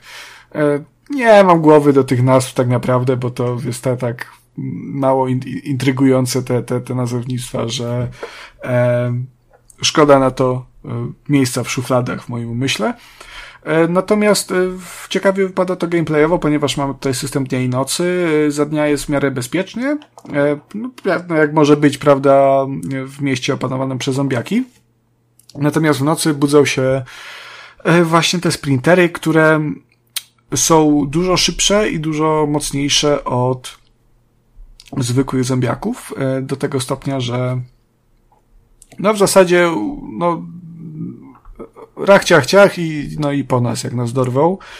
Mm, Także warto noc sobie przespać. Natomiast jeżeli postanowicie, że zadania wykonywać będzie niezależnie od tego, czy te główne, czy poboczne, bo tych też tu jest od cholery, e, wliczając to e, nie tylko w takie fabularne zadania poboczne, ale też jakieś Nie wiem, no, zwiedzanie podziemnych parkingów, gdzie zwożono pierwszych chorych na początku epidemii w poszukiwaniu fantów, i tego typu powtarzalne zadania, e, no to jeżeli to będziemy wykonywać wszystko w nocy, no to nasze e, liczba doświadczenia i te nagrody, które za nie dostajemy, będą od, odpowiednio powiększone, czyli tu jest taki właśnie, mm, musimy sobie sami odpowiedzieć, czy chcemy lepsze fanty, e, czy chcemy mieć spokój ducha i nie, nie, nie bać się, że zaraz zginiemy. To też nie jest tak, że ta śmierć tutaj cokolwiek wnosi tak naprawdę, bo um, śmierć cofa nas do najbliższego bezpiecznego punktu. To są takie jakby małe e, no może nie miasteczka, ale takie małe odgrodzone obozy, gdzie możemy się właśnie przespać, e, kupić nowe rzeczy u handlarza, jeżeli tam takowy jest, zebrać jakieś zadania to tam trafiamy po śmierci i możemy sobie kontynuować e, dalej. I to przy okazji też nie jest tak, że e, przeciwnicy gdzieś tam się resetują, e, tylko pozostają w tym stanie, w którym zostaliśmy ich po śmierci. To jest czasami problematyczne. Ja miałem taką sytuację, w jednej misji, że mm, sugerowane było skradanie się faktycznie, bo tam nie mieliśmy jeszcze, nie miałem jeszcze broni palnej, e, przeciwnicy jak najbardziej mieli, e, to już byli ludcy, bo też tacy tu są, e, właśnie te takie gangusy. No i psikus polegał na tym, że w pewnym momencie mnie odkryto, poskładali mnie jak pranie, wyschnięte. Mm, gra mnie cofnęła do poprzedniego checkpointa. Jak, jak się odrodziłem, to się okazało, że ci przeciwnicy nie zresetowali się, tylko właśnie e, wciąż byli zaalarmowani i, i troszkę tam poginąłem, ale no ale potem jak się dorwałem do karabinu, to to w sumie było satysfakcjonujące. No pozdro poświć, no ni niestety, no. To, tak to jest. Wszystko można rozwinąć, prawda, po prostu w taki e, sposób dość organiczny, po prostu wykonując te akcje, biegając, machając kijem, wspinając się na różne, w różne miejsca, dostajemy za to wszystko exp i, i za ten exp zdobywamy poziomy w czterech tam różnych kategoriach e, i punkciki sobie możemy rozdysponować pomiędzy różne e, nowe umiejętności. Nie jest to system jak, jakoś e, bardzo wymagający myślenia i planowania swojego buildu, ale jest całkiem przyjemny i faktycznie e, w pewnym momencie czuć tam, że jakoś lepiej sobie radzimy. Gra wygląda ładnie, pomimo, że ma już na karku tych 7 lat. E, no zasługa tym, w tym też nowej generacji, wyższej rozdzielczości, prawda, tych 60 klatek, no jakby nie było, te, te gry w większej płynności wyglądają po prostu lepiej. Um, troszkę to jest też taki, może się nie podobać niektórym to, że to jest mocno takie żółtawo-brązowe, czyli to jest ta klasyka takiej siódmej generacji ale mimo wszystko pasuje to do klimatu, do tego, spalone, tego spalonego słońcem miasta. Gra się po prostu fajnie, bardzo przyjemnie, jeszcze to nie skończyłem. E, jestem jakoś tak w połowie, e, ale chcę grać dalej, super mi się to podoba. Mm, jestem ciekaw, co wydarzy się dalej, jak to rozwiną e, w kolejnych dodatkach, no i potem też w dwójce. Tak jeszcze na koniec zaznaczę, że jeżeli kupicie sobie tę wersję Enhanced Edition, to w jej ramach od razu dostaniecie kilka dodatków. O, to jeszcze dużo recenzji będzie. A, jeszcze do... Nie, chyba, chyba, że słuchacze będą chcieli. E, ale do, w Enhanced Edition dostajemy przede wszystkim dodatek The Following. To jest to e, duże rozszerzenie z nową kampanią, nową mapą i samochodzikiem. Poza tym takie pomniejsze jak na przykład Horda Bozaka, a także kompletnie pierdołowate, jak na przykład Cuisine and Cargo, czy Ultimate Survivor Bundle. To są dodatki, które w zasadzie dodają tylko mm, jakieś dodatkowe pierdółki, dodatkowe strefy kwarantanny, jakieś bronie, kostiumy. E, natomiast nie ma tutaj Hellraida. Mm, Hellraida trzeba kupić osobno, albo kupić od razu wersję e, Definitive Edition, w którym ten Hellraid także jest. No. A czy jest w Dying Light pływanie? Nie, bo wtedy to by się nazywało Diving Light. O kurcz. Nie, w sumie Uf, jest. No, pozamiatał. Pozam... Wow. Przerwę, przerwę. 15 minut przerwy na ochłonięcie, bo to było... No, przemyślenie, co, co się... To tak. było mocne, tak. Ale żeby nadać temu wszystkiemu kontekst, muszę powiedzieć, że teraz sobie właśnie porozmawiamy o grze Dave the Diver. I teraz 15 minut, bo teraz już słuchacze będą wiedzieli skąd ten piękny żart. Ja, ja gierkę z Dave'em zajawiałem już chyba w poprzednim odcinku albo dwa odcinki temu, y, bo on też się zrobiło bardzo głośno w momencie y, premiery. I w sumie się nie dziwię, bo pograłem w nią i, i wiem, co zachwyciło ludzi. I ja też się dałem w to wciągnąć, w tę taką, w, te, w ten loop, w tę maszynkę tej gry. A mianowicie już wyjaśniam, o co w tym wszystkim chodzi. W Dave the Diver mamy dwa zadania. Za dnia, chociaż to też później się zmienia, za dnia y, nurkujemy, nurkujemy, wypełniamy zadania, zbieramy jakieś tam, nie wiem, morskie pozostałości, e, co tam, co tam jest na dnie morza, liny, drewno, odłamki, odpady, jakieś szkło i tak dalej. Łowimy też rybki i sobie tak po prostu pływamy, nurkujemy, zwiedzamy ten piękny podmorski świat. Mm, I napychamy kieszenie swojego kombinezonu.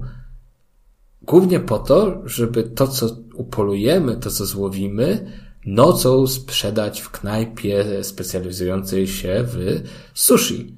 Czyli tam po prostu przychodzą ludzie i jedzą te rybki i my im serwujemy. E, I to tak w dużym, dużym skrócie. A ta gra jest znacznie bardziej rozbudowana niż mogłoby się wydawać, bo przede wszystkim ma to, ma to fabułkę, i ta fabułka może jest miejscami głupkowata, bo tam, nie wiem, ta, ta, ta, ta woda, ten cały ocean, to się tam zmienia i tam są wszystkie ryby świata w ogóle w nim, więc to w ogóle nie ma jakby realnego, realistycznego uzasadnienia. Te zadania, które wykonujemy też są takie przesadzone, ubarwione, ale to wszystko jest fajne, ciekawe, bo w sumie za każdym razem jak nurkujemy, to mamy coś do zrobienia. Musimy, nie wiem, odkryć jakąś tajemnicę, poznajemy sekrety dawnej cywilizacji, która gdzieś tam sobie jeszcze żyje i tu są syrenki, a to spotykamy różowego delfina, który potrzebuje naszej pomocy. Mm, musimy się zmierzyć z kłusownikami, stoczyć walkę z wielką tam ośmiornicą czy innym krakenem. Także te, te zadania są fajne i zawsze jest coś innego do zrobienia niż tylko to łowienie, prawda, rybek, żeby je później, żeby je później sprzedać. To nie jest gameplayowo wymagające, bo mechaniki są bardzo proste. Musimy zadbać o to, żeby nam się powietrze nie skończyło. Oczywiście mamy wskaźnik, możemy go uzupełnić. Tak w życiu. Tak, przede wszystkim na tym głównie polega, polega życie. Tam sobie znajdujemy w międzyczasie, nie wiem, jakieś muszelki, z których tlenu możemy pozyskać trochę, dodatkowe butle zapasowe, butle uzupełniające i, i tak sobie pływamy i zwiedzamy. Oczywiście na początku nie możemy popłynąć zbyt głęboko, bo nasz kombinezon tego nie wytrzyma, bo nie mamy latarki, bo to, bo tamto, więc ten ocean, zatokę, o, to się, coś, to się nazywało coś z Blue, oczywiście teraz już, już nie pamiętam. Blue Hole chyba. Nieważne. Y, to sobie, to sobie... Blue Waffle. Co, co, co? Blue Waffle. Blue Waffle. Tak. Bardzo dobrze. No, ale nie, nie wiesz, co to jest? Nie. Co to jest? To jest taka y, formacja skalna w sumie na tym wpis sobie. Ja się teraz po tych twoich wszystkich rewelacjach, które ty mi... Nie no! ja sobie... E bez przesady. Wyskoczył, wyskoczył mi niebieski gofr, co ci mogę powiedzieć. No to musisz, musisz głębiej w to wejść. Muszę, muszę, muszę głębiej. Gofer, nie gofr, przepraszam, gofer. Eee, nieważne, tak. Partiami go eksplorujemy, czyli z postępem fabularnym lecimy coraz głębiej, on też ma tam swoje odnogi, że tutaj na przykład możemy do wraku statku wejść, a tutaj właśnie do jaskini tej, e, tych, tych, tych morskich sea people, oni się chyba nazywają, także tych syrenek. I, i. I, I to jest bardzo, bardzo ciekawe, bo to jest takie głupkowate ciekawe. Chce się, no to działa troszkę na takiej zasadzie, że chcemy zobaczyć, co tam jeszcze twórcy mm, wymyślili i czym nas zaskoczą. Oczywiście w tym wszystkim jest dużo humoru, bo na przykład ym, podpływa do nas przedstawiciel organizacji zajmującej się ochroną środowiska i tam na nas krzyczy, że my to w ogóle źle robimy, te ryby łapiemy i zabijamy, po czym wali do nas granatnika i prawda, ten granatnik, granatnik niszczy jeszcze więcej i zabija jeszcze więcej niż my tych szkód wyrządzamy. Podpływa do nas aż, tak, ten aż z Pokémonów, czyli dosłownie gość tak samo ubrany, który nam mówi o tym, że jest słynna kolekcja kart właśnie z tymi stworzeniami morskimi. Tam on je zbiera i my też je możemy zbierać. I jak jakieś tam znajdziemy, prawda, wszystkie gatunki odkryjemy tych, tych ryb w, ty, w tej wodzie, w tym oceanie, to wtedy będziemy takim mistrzem Pokémon. No, tego jest sporo i to jest bardzo ciekawie zrobione, kreatywnie. No, no fajnie, po prostu fajnie i, i miło to wszystko śledzić. Mm. Ja tylko się wtrącę, e, bo sobie oglądam właśnie gameplay E, I to, co mówiłeś o tym Blue Hole'u, to jest e, Blue Hole Depths. O, widzisz. A to może, to może już jak tak jest głęboko, głęboko, bo tak jak mówię, one mogą mieć swoje poziomy, więc może po prostu ta głębia to jest głębia. Może i tak być. Może tak być. No.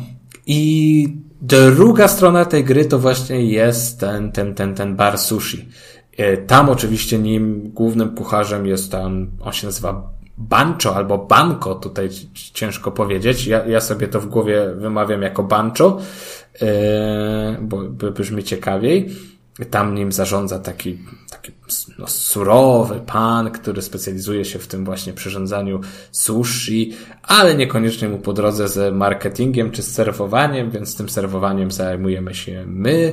Jako takim marketingiem, w ogóle to przedsiębiorczą stroną tego wszystkiego zajmuje się jeszcze inna postać, no ale to, to nieważne. Naszym zadaniem jest serwowanie jedzonka klientom, ustalanie co znajdzie się w karcie i no nie wiem, dbanie na przykład o wizualną stronę tego lokalu, czyli możemy sobie zmienić krzesełka, blaty, dodawać dekoracje i tak dalej, i tak dalej. Oczywiście za to wszystko płacimy pieniążkami, które zarobimy sprzedając to sushi, czy tam wykonując zadania. Mm, No ale też możemy ustalać to, co znajdzie się w karcie, oczywiście na podstawie tego, co złapaliśmy. Każde danie można tam upgrade'ować, w zależności od tego, ile składników mamy. E, oczywiście z czasem się rozwijamy, poznajemy nowe dania, bardziej złożone dania, one się stają droższe, my je e, drożej sprzedajemy, więcej zarabiamy, zaczynamy nawet zatrudniać obsługę tego lokalu, która sprawia, że wszystko dzieje się szybciej. Mm, No i to jest ok okej, taka fajna odskocznia od tego, co tam się dzieje w wodzie. Yy, znacznie krótsze to są etapy, tam gdzie gotujemy, więc to jest taki przyjemny przerywnik i też, no potrafia, yy, daje nam szansę wykorzystać to, co znajdziemy, znajdziemy w wodzie, co tam zarobimy. Mi się ten taki loop trochę z, moon, z Moonlighterem skojarzył. Nie wiem, czy grałeś E, ale tam też tak było, że chodziliśmy na misje, na misjach zbieraliśmy jakieś tam artefakty czy przedmioty, później je sprzedawaliśmy w sklepie i tak dalej, i tak dalej. E, Tu jednak W Moonlightera oczywiście, że grałem. Świetna, świetna gra. tak, tak, tak, tak. Chociaż mi się tutaj e, bardziej wymagająca ona była pod, pod względem walki, bo te walki tam bywały trudnowe, co nie? E, E, tak, no. tak, tak. Tutaj to jest bardziej taki relaksujący gameplay, jeśli chodzi o to samo pływanie. No właśnie miałem pytać, bo tak oglądam tę tę rozgrywkę i ona jest taka strasznie chillowa. Może nie tak jak na przykład, nie wiem, Abzu, ale no czuję, że to mógłbym tak odpalić sobie po prostu, wiesz, rozpłynąć się gdzieś tam na fotelu, zjechać dupą całkiem praktycznie e, na brzeg fotela i, i, i sobie tak e, pykać. To też jest tak, że na początku, jak masz to takie, nie wiem, pierwsze, drugie nurkowanie, to spędzisz w wodzie, nie wiem, 4-5 minut. A później już spędzisz w wodzie 20 minut, bo masz tam więcej tlenu, lepszy kombinezon i tak dalej, więc możesz dłużej pływać. I faktycznie to pływanie jest takie bardzo beztroskie. Walki, takie wymuszone walki zdarzają się głębiej, bo tam są już i rekiny, i takie złe rybki, co chcą cię atakować. Są też te takie epizody z, z bossami, Szczupaki. ale to, to, to, to, to, to, nie jest nic wyma- wymagającego. No mamy swój harpun albo jakiś tam pistolet i po prostu w nie strzelamy. Mm, o widzisz, teraz jak przypomniało mi się o harpunie, to też fajnie jest rozwiązane to, że te harpuny są różne, nie? Jest elektryczny, z trucizną i w zależności od tego, jakiego harpuna używamy, taka będzie wymagana dodatkowa aktywność podczas łapania ryb. Czyli na przykład jak mamy mm, elektryczny, to żeby złapać rybę, nie każdą się da tak łatwo złapać, te, te większe stawiają opór, trzeba je jednak yy, innymi... Pe- Powiem ci, że korzystanie z elektrycznego harpuna pod wodą Tak, to jest... tak, tak. Nie wiem, czy to jest odważne. To wszystko, wszystko się zgadza. Ale na przykład, bo właśnie jak używamy tego elektrycznego, to musimy później szybko wciskać AID. Jak tego toksycznego, to kręcić myszką kółka dookoła. Także z każdym takim har Wygodne musi być. harpunem jest. em, No są takie dodatkowe aktywności, które są, które są w jakiś tam sposób dodatkowo angażujące, więc to jest okej. Mm, Mogę ci zadać pytanie? proszę. Czy to jest jedna z tych gier, które rekomendują granie na padzie, a w które ty e, z uporem maniaka grałeś na klawiaturze i myszce? Wiesz co, nikt mi chyba na żadnym etapie nie rekomendował pada, a sterowanie na Ale myszku, to jest gra pod pada. na myszku i klawiaturu jest ok. Nie, nie, nie, nie miałem żadnych problemów, a nawet to celowanie harpunem to no, na padzie to też by było bardzo wygodne.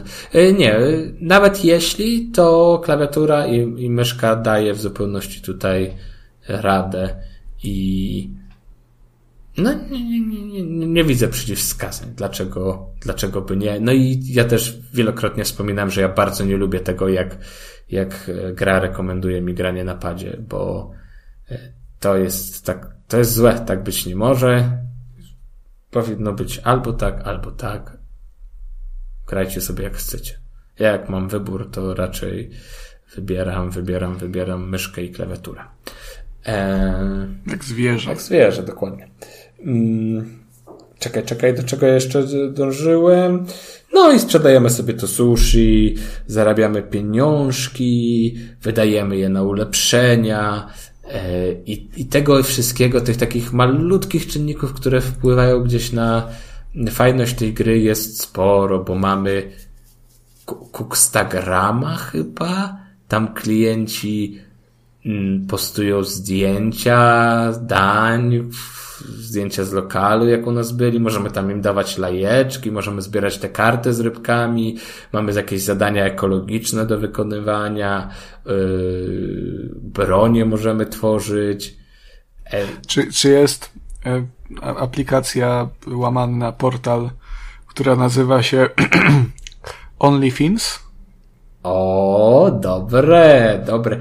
Chyba nie była, albo jeszcze nie spotkałem, ale dzisiaj, no, kreatywność kolegi mnie zaskakuje już, kurczę, aż jestem odrobinkę, odrobinkę zazdrosny, muszę przyznać. Mm. No jest tego dużo. Dzieją się takie rzeczy, że tam wiesz, no krytycy gdzieś tam wchodzą do naszej knajpy i my musimy im przygotować łeb rekina i teraz trzeba upolować rekina i przylec jego łeb do knajpy. Yy, jakieś tam danie z wielkiej tej kałamarnicy, czy tam krakena. No, mnóstwo jest takich małych rzeczy. To jest naprawdę dopracowane tej, na płaszczyźnie tych szczegółów, żeby to wszystko było zabawne i, i takie wesołe i ciekawe.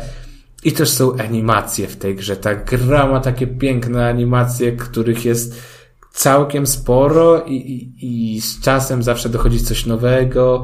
Nie wiem, mamy osobną animację za odblokowanie jakiegoś nowego dania, osobną animację za ulepszenie broni, skonstruowanie czegoś i one są w takim właśnie nie wiem, humorystycznym stylu, takim mangowym, taki, a, no piękne to jest wszystko. Jak się gdzieś zobaczy materiały z tej gry, to będziecie wiedzieć o co mi chodzi. Naprawdę jest to bardzo przyjemne do oglądania i, i, i widać, że zależało twórcom e, na tym, żeby to było wykonane perfekcyjnie.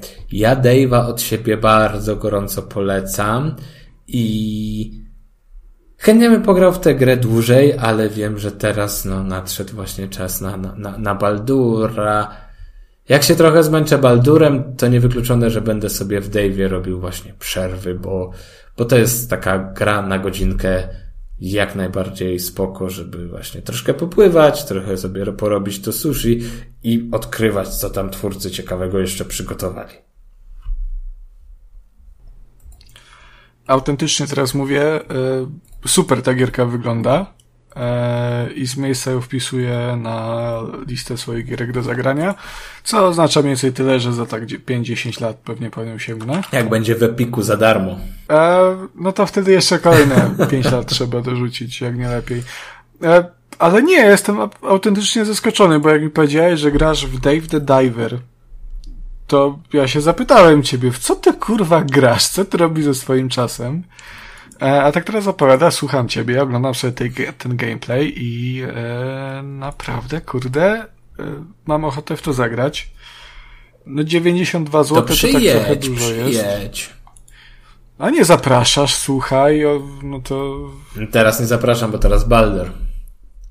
No, widzisz. No to może teraz przyjadę akurat, żeby cię oderwać trochę od tych Ty już mnie dzisiaj oderwałeś, już podcast sabotowałeś specjalnie, że nie dość, że się spóźnił, jak Kacper zresztą ma w zwyczaju. Ym, Bo Przecież Ka- Kacper w Baldura gra. a, już nie chcę wnikać, co tam Kacper. Tylko Kacper ci, Kacper ci tego nie powie. Jedyne, co ci mogę powiedzieć, to Bo- to, kto wie, ten wie, że Kacper na pewno nie je kolacji teraz. No ale to już, to już właśnie tutaj... Kacper nie je kolacji, bo gra w Baldura. On ci tego nie powie, nie przyzna się, bo on musi, ma tą, tę, prawda, e, fasadę antypececiarza e, do utrzymania, no ale zagrywa się tego krasnala tam z tym niedźwiedziem, FIFA, Rafa, fą, fą, fą. No i jest, wiesz, prawdziwy RPG. E, No. Prawdziwym RPG-iem, wbrew pozorom, prawda, pomimo MMO w y, nazwie gatunku jest również The Elder Scrolls Online. Do, doczłapaliśmy się w końcu do ulubionego kącika Jakuba Smolaka, e, na który czekał przez ostatnie dwa A tygodnie. co ty, Konrad, na to, że jak No. skończymy już omawiać wszystkie dodatki do TESO, to zrobimy sobie specjala takiego i omówimy je jeszcze raz, razem, wszystkie w jednym odcinku.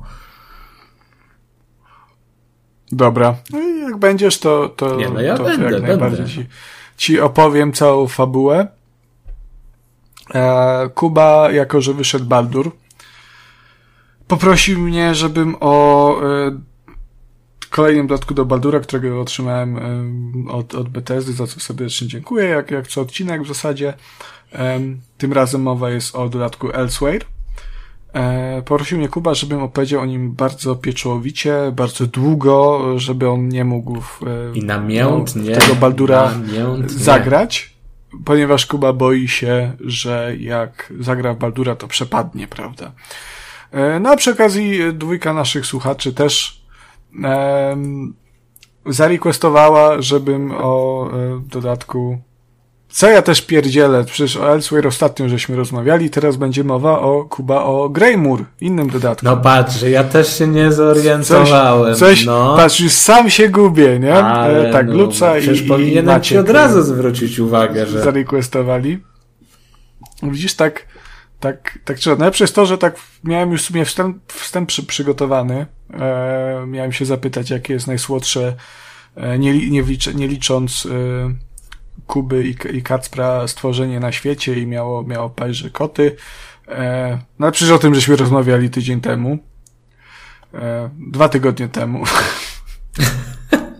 Ja przez, przez, przez wczasy mam wyjęty tydzień życiorysu, także dla mnie to jest jak, jak, jakby to było tydzień temu.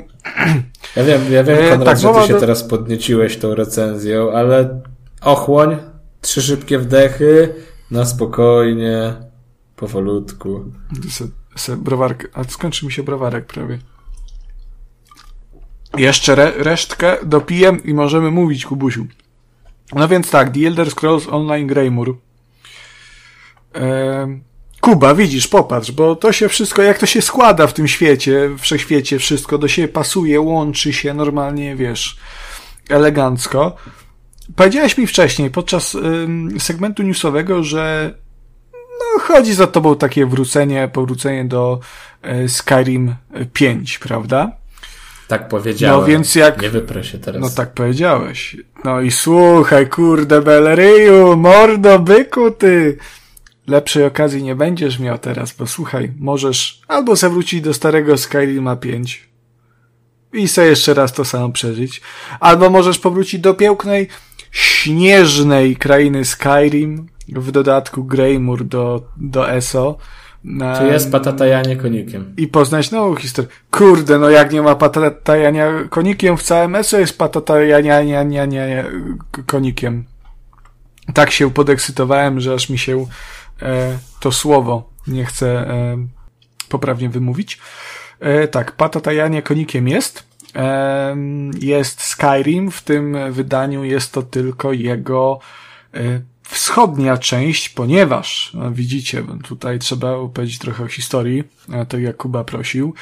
E, The Elder Scrolls Online jest chronologicznie pierwszą e, częścią cyklu, co oznacza mniej więcej tyle, że e, jego akcja toczy się w drugiej erze, e, reszta serii toczy się w czwartej erze, także o ile w Skyrimie Skyrim jest już zjednoczony i wszystko jest fajnie, abstrahując od smoków, e, tak w e, dodatku Greymore em, Skyrim jest wciąż podzielony między wschodnią jego część i zachodnią. Do zachodniej chyba możemy trafić w podstawce, tak mi się wydaje, natomiast do e, zachodniej trafiamy e, dopiero tutaj w dodatku. Ona obejmuje między innymi e, samotnie, jak bodajże bu, była nazywana w polskiej wersji, e, jako że ESO jest tylko po angielsku, tutaj to się nazywa e, Solitude. E, jest też e, Markarth. A właśnie, Ja, a propos, to ja się bardzo zdziwiłem, bo Teso pobrałem Słucham. i ja myślałem, ja byłem święcie przekonany, że Teso jest w polskiej wersji językowej. No właśnie, właśnie Przy nie. czym ja do Teso miałem podejście i Właśnie wiesz, nie. ja próbowałem, e, sprawdzałem, czy w Chinach w ogóle będę mógł grać e, uczciwie i godnie, to, to chwilę grałem i dalej byłem święcie przekonany, że to ma polską wersję językową, że to ten właśnie, bo pamiętam, że któreś spore MMO miało, co było takim czymś, e, no niespodziewanym i myślałem, że to Teso. Nie, Tessa niestety nie. Tessa jest e, w pełni po angielsku. E, szkoda, no bo jednak jak jest polska wersja językowa, to jest to łatwiejsze w odbiorze dla polskich graczy. Jakby nie było, można tutaj e, kłaść się rejtanem i krzyczeć, że o kurwa, tyle się grało zawsze za dziecka po angielsku we wszystko i było zajebiście, a teraz polskiej wersji im się zachciało, no ale no jednak jesteśmy w Polsce, mówimy, mówimy po polsku, więc fajnie by było, gdyby produkty wydawane na naszym rynku również były wydawane w naszym ojczystym języku. Mogło mi się pomylić z E, New World, bo widzę, że New World ma polską wersję językową. Może, może. Broken Ranks też ma. No to polska gra. Ehm, Ale to nie zawsze jest takie oczywiste. No. No nie zawsze, no nie zawsze. E, I tak. E, sama mapa tego Skyrima tutaj nie jest taka jakaś bardzo imponująca. Ona jest w sumie dosyć, dosyć mała, zaskakująco wręcz mała. Natomiast dlaczego tak jest? E, No jest tak dlatego, że e, cały dodatek podzielono między dwie krainy tak naprawdę. Mm, Chociaż no, trudno to nazwać dwiema krainami, ponieważ tą drugą jest e, tytułowe Greymur, czyli legendarne, mityczne wręcz miasto, które zostało wybudowane pod ziemią właśnie pod e, zachodnią częścią Skyrimu i do którego też trafiamy. To jest taka duża mapa w swojej, swoim obszarem dorównująca tem, tej powierzchni Skyrimu. E, Fabularnie natomiast no, e, wychodzi to tak, że trafiamy na jakiś dziwny spisek, prawda? Klasycznie, no musi być spisek, który może zagrozić temu oto królestwu. Na szczęście nie ma tutaj Dedr, także nie ma tu tych e, tesowskich demonów, em, które no, trochę już mi się zdążyły przejeść. E, Tutaj cała historia e, jest związana z powrotem e, no, na, na światło dzien- dzienne, powrotem czegoś, co się nazywa Grey Host. I to jest mityczna w kontekście samej gry. Nie wiem jak to nazwać. No może chyba, chyba najbliżej będzie armia składająca się z wilkołaków i wampirów, która w setki lat wcześniej e, trapiła e, mie- mieszkańców Skyrim, e, atakowała ich, wyżynała w zasadzie, no ale została szczęśliwie pokonana i zagrożenie zostało na wiele lat e, zażegnane e, do teraz, bo nagle pojawiają się przesłanki, że e, armia ta może się próbować odrodzić. Zresztą całą Ukrainę, mm, całą Ukrainą targają e, tak zwane Harrowstormy. E, Są to miejscowe burze, bardzo widowiskowe, bo tam pojawia się zawsze e, taki mm, czerwono-czarny wir powietrzny z chmurami, takie pioruny łupią i w czasie tych Harrowstormów ludzie, którzy prze, przebywają na ich terenie zostają zamienieni w albo w może nie tyle wampiry, ale coś wampiropodobnego, takie trochę zombie e, połączone z wampirem, albo w ogóle zostają zamienieni w takie Zom, pozbawione... Zombiry. Zombiry, zombiry, tak. e, w- Vampi, o, można też w ten, w ten sposób w drugą stronę, albo zostają zamienieni w, ta, w takie w zasadzie powłoki bez, bez umysłu, które tylko no se stoją i nic se nie robią. Chodzą o takie są, jak nie wiem, jak, jak krowa. A Albo, coś się do krowy jak- przyczepił. No bo krowa, no co, no stoi se i, i nic se nie robi, no je trawę i Bo to bez ludzkość, jakiejś re- ludzkość tak refleksji. narobiła No to, no to tak, tak samo ci przemienieni ludzie też się podobnie zachowują na przykład. E, Fajne jest tutaj to, że w tym dodatku, że po, znowu napotykamy podobnie jak w Elsewhere e, starych znajomych, e, między in, przede wszystkim Larry's Titanborn, e, którą znać można z podstawki i ona jest e, jedną z głównych postaci tej historii. No ale poza tym e, też pojawia się ponownie jeden z królów, e, którzy toczą wojnę w Tamriel. E, I w sumie ta sama historia, bo tu można podzielić to na ten wątek e, mitologiczny oraz znowu na taki polityczny em, tej, tej, tej wojny pomiędzy wschodnim a zachodnim Skyrimem, e, wewnętrznych przepychanek, e, tej historii rodzinnej, e, rodziny królewskiej, e, ponieważ jedną z naszych sojuszniczek jest e, królewna Sfarna, e, czyli, czyli córka Ewa? Jarla. Jak? Ewa? Ale nie, nie Farna, Sfarna. Tak. Em, I przyjem, bardzo przyjemnie się to śledzi. E, Poza tym, poza samą fabułą, jeżeli e, sama historia co dla was za mało, no to klasycznie e, mamy też nowy dungeon dla 12, 12 osób, to on się nazywa Sunspire. Po, przepraszam, Sunspire to jest Elsewhere sobie. Włączyłem podpowiedź, kurwa, właśnie, nie? Uwielbiam, sam się w tym kół. On się nazywa... Ja, ja bym nie, nie byłbym zdziwiony, jakbyś mi co odcinek po prostu ten sam tekst. Tu, Trochę, ale to zapisywanie tych dodatków to jest trochę, to jest trochę ta sama recenzja, tylko z innymi nazwami. E, tak, tutaj nazywa się Kain's Aegis. E, to jest ten, ten raid dla 12 osób. E, te Harrow Stormy to są światowe eventy, właśnie tak jak w Elsewhere były smoki, to tu są Harrow, Stormy. E, klasycznie pierdeliard questów pobocznych, e, jakichś dungeonów, które można zwiedzać i podbijać. Z takich ciekawszych rzeczy mm, troszkę poprawiono, to już teraz czytam, przy- przyznaję szczerze, bo, bo nie wgryzałem się w to, linię umiejętności dla, dla wampirów, drzewko umiejętności dla to wampirów. ważne, to Natomiast ważne, jest, no. to jest, to jest tak czy tak, to, to jest darmowe, nawet jak masz podstawowe ESO, e, to, to tylko mówię, co, co zostało wprowadzone. E, ale przede wszystkim do, dość ciekawym, nową mechaniką kompletnie jest, jest mechanika antyków i ona jest w sumie dosyć ciekawa, e, ponieważ pozwala na bawienie się trochę w archeologę. Te antyki raz, że dodają dwa nowe drzewka umiejętności e, pasywne, to wprowadzają nową taką minigrę em, w kolekcjonowanie.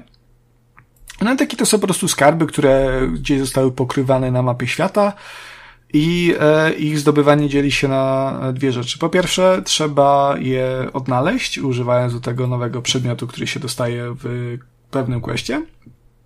A potem, jak już znajdziemy, zlokalizujemy miejsce, gdzie te gdzie dany antyk może być e, zakopany, no to trzeba go wykopać i wtedy pojawia się minigra e, i sobie kopiemy w takim, w takiej piaskownicy, szukamy. E, całkiem przyjemne, nie jest to coś, co jakoś mnie porwało na długie godziny, natomiast to, co tam zobaczyłem, to w sumie, no, no fajne było. Jakbym jakiś, jakoś był bardziej zaangażowany w to TESO, czyli bym tam siedział z gildiami, Nie, rajdował wcale nie wszystko. jesteś zaangażowany w Y, to tesy, no gdzie? No wiesz, jest, może być zaangażowanie moje, czyli gram sobie w te dodatki, przechodzę historię i, i, i pa- patrzę, co tam się dzieje, a może być zaangażowanie, wiesz, typowego gracza MMO, czyli kraftuję sobie najlepsze itemki, lecę na rajda, żeby zdobyć loot, prawda, i ten, i, i wtedy może bym się tymi antykami jakoś bardziej skusił. E, no, jakoś mnie to nie porwało, natomiast to jest fajny dodatek, myślę, że też miła odskocznia, jeżeli chodzi o e, ogół taką standardową rozgrywkę, bo mimo wszystko ten, ten, ten gameplay w TESO jest, jest dosyć powtarzalny. No ale to nie oznacza, że, że nie jest fajny. No to jest MMO, no co ja ci powiem. No, no, Ja się gryzę w język, ja się gryzę w język. no powiedz, no Nie, powiedz. bo nie chcę przeklinać na wizji. Powiedz, przeklnij, Nie. grzeszniku. Taki to jest. Mów, mów, mów, mów. Mi się podoba. No nie, w sumie no to tyle, no co ja ci mogę powiedzieć o do dodatku. A ile jeszcze tych do dodatków zostało? E, jeszcze mam trzy. Jeszcze trzy. Tak? Nie, czekaj. Mam dwa. Mam Blackwood i High Isle. I, i skończymy. A czy ten pakiet, co dostałeś, to uwzględnia też przyszłe dodatki? Czy ty już nie będzie przyszłych dodatków? Nie, nie, nie.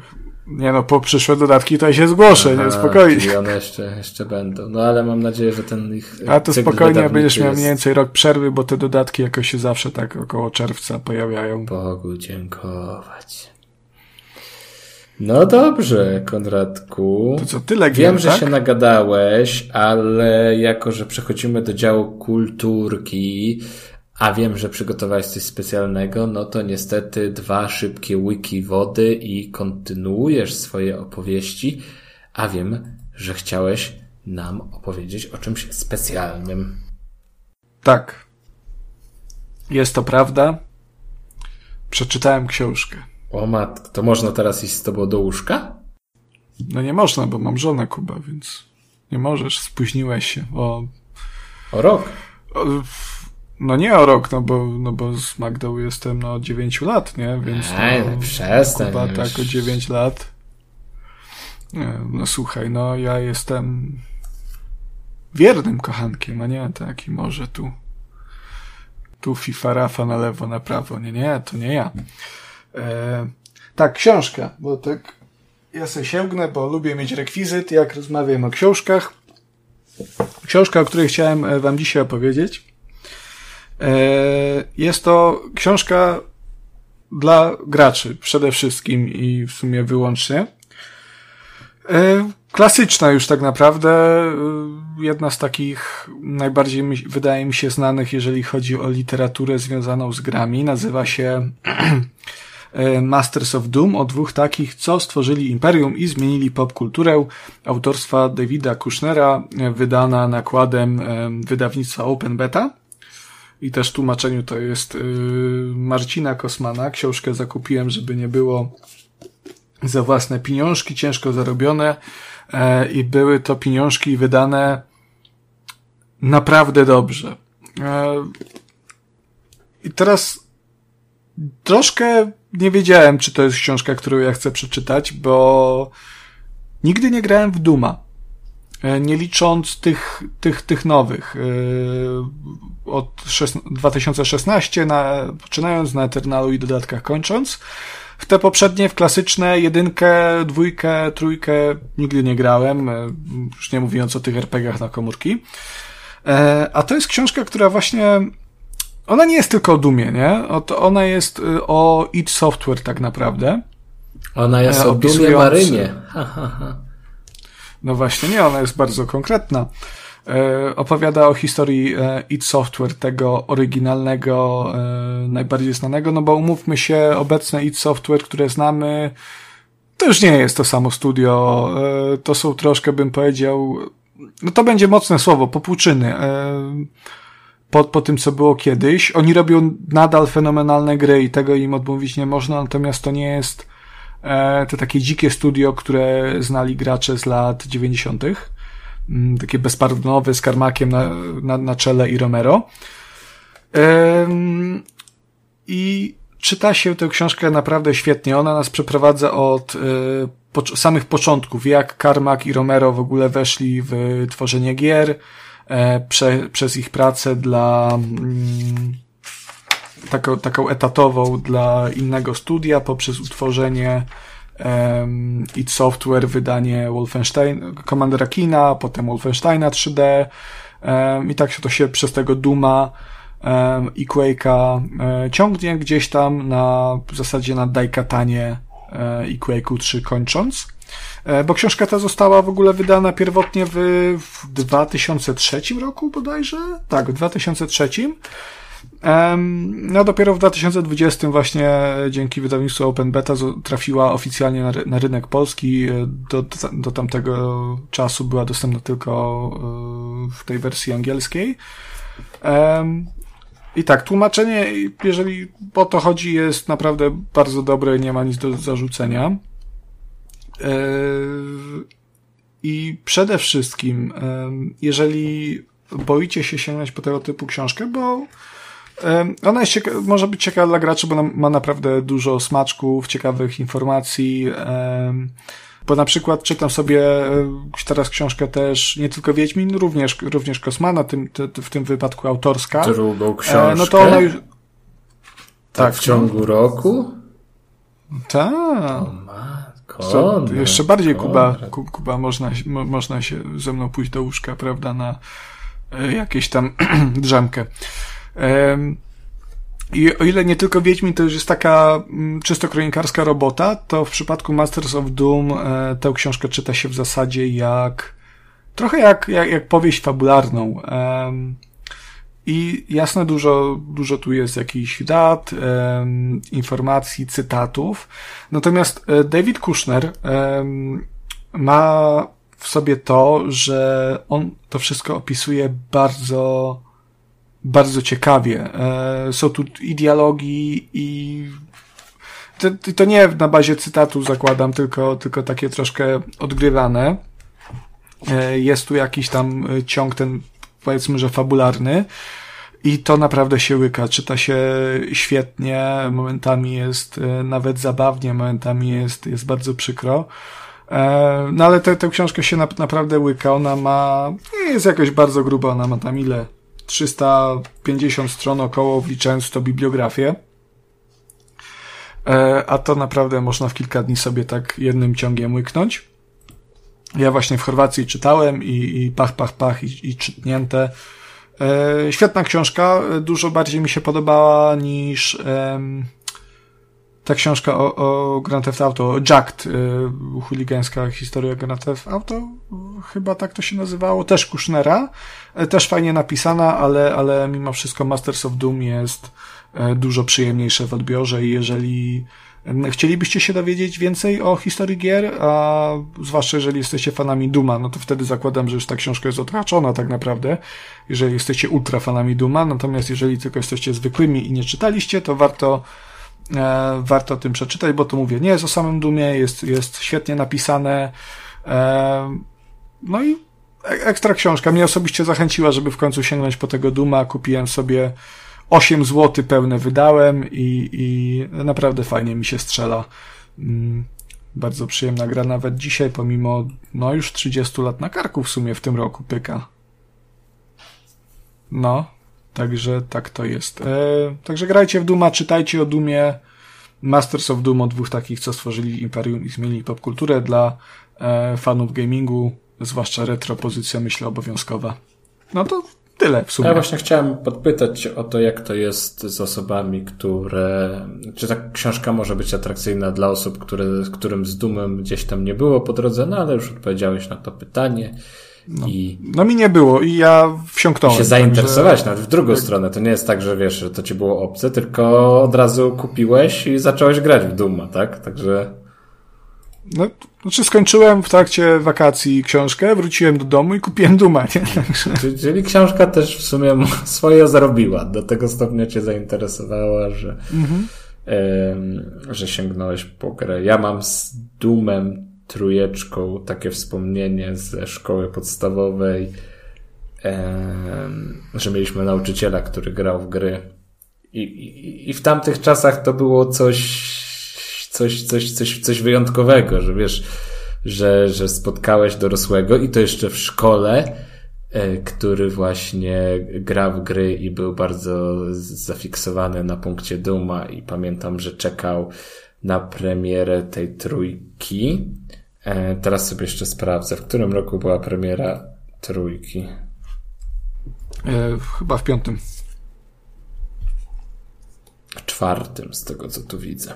W czwartym była? Tak, i, i gdzieś tam właśnie nie pamiętam, czy, czy on mi, ale nie, to chyba ja gdzieś jemu próbowałem skombinować tego Duma, e, oczywiście drogą legalnej dystrybucji. E, ale koniec końców nie działał, gdzieś coś, coś źle przegrane było, no i mam tylko takie po prostu. I dostałeś kapę z majcy. To był pan od przyrody. To jest przyrody. E, Ale tak ci jeszcze, jeszcze powiem e, a propos tej książki, że e, jeżeli ktoś ma, podobnie jak ja, taką tendencję do e, nostalgicznych uczuć, no to ta książka tak trochę jebnie po nerach, bo przeczytałem ją i tak sobie siadłem. Tak sobie jakoś tak, nie wiem, przykro mi się zrobiło, bo poczułem, że e, że to już końcówka. obecne czasy, jeżeli chodzi... Że to już końcóweczka.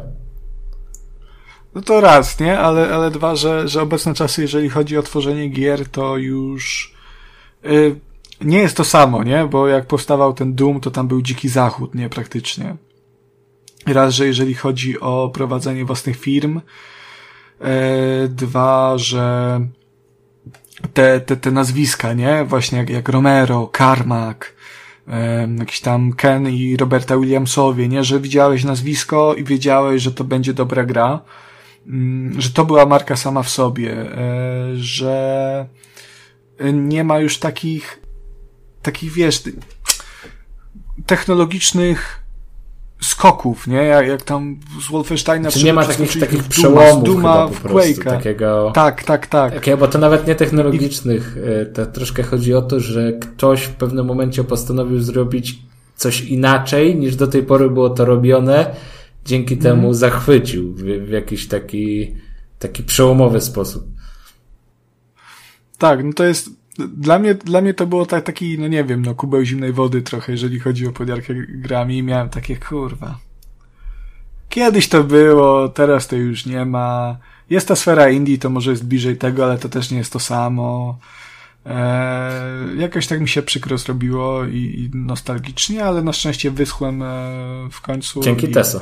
i znowu się cieszę gier- giereczkami. Tak, te, te są mnie wysuszyło. E, a może Dying Light właśnie tym swoim gorącym klimatem. E, I cóż, no nawet jeżeli jesteście takimi nostalgicznymi kurwami jak ja, e, to mimo wszystko warto przeczytać tę książkę i, i je- jedna z fajniejszych, które przeczytałem w ostatnim czasie na pewno. I nie jedyna. Nie, nie jedyna. No dobrze, drogi Konradzie. No i co? I mieli, mia- miałem sobie grać dzisiaj w Baldurka. Miało być pyk-pyk jako tako i Fire Jest godzina już prawie 23. 17. Ja chyba. od godziny Trzeba się kłać. Ja od godziny powinienem już spać. Jutro mnie będzie wszystko bolało. Konrad, to, to, tak, to tak nie może być. No, nie. Kurczę, no jak do tego doszło? E, no dobrze, bardzo to był przyjemny odcinek. Myślę też, że treściwy. Dziękuję Ci bardzo. Dziękuję wszystkim słuchaczom za uwagę.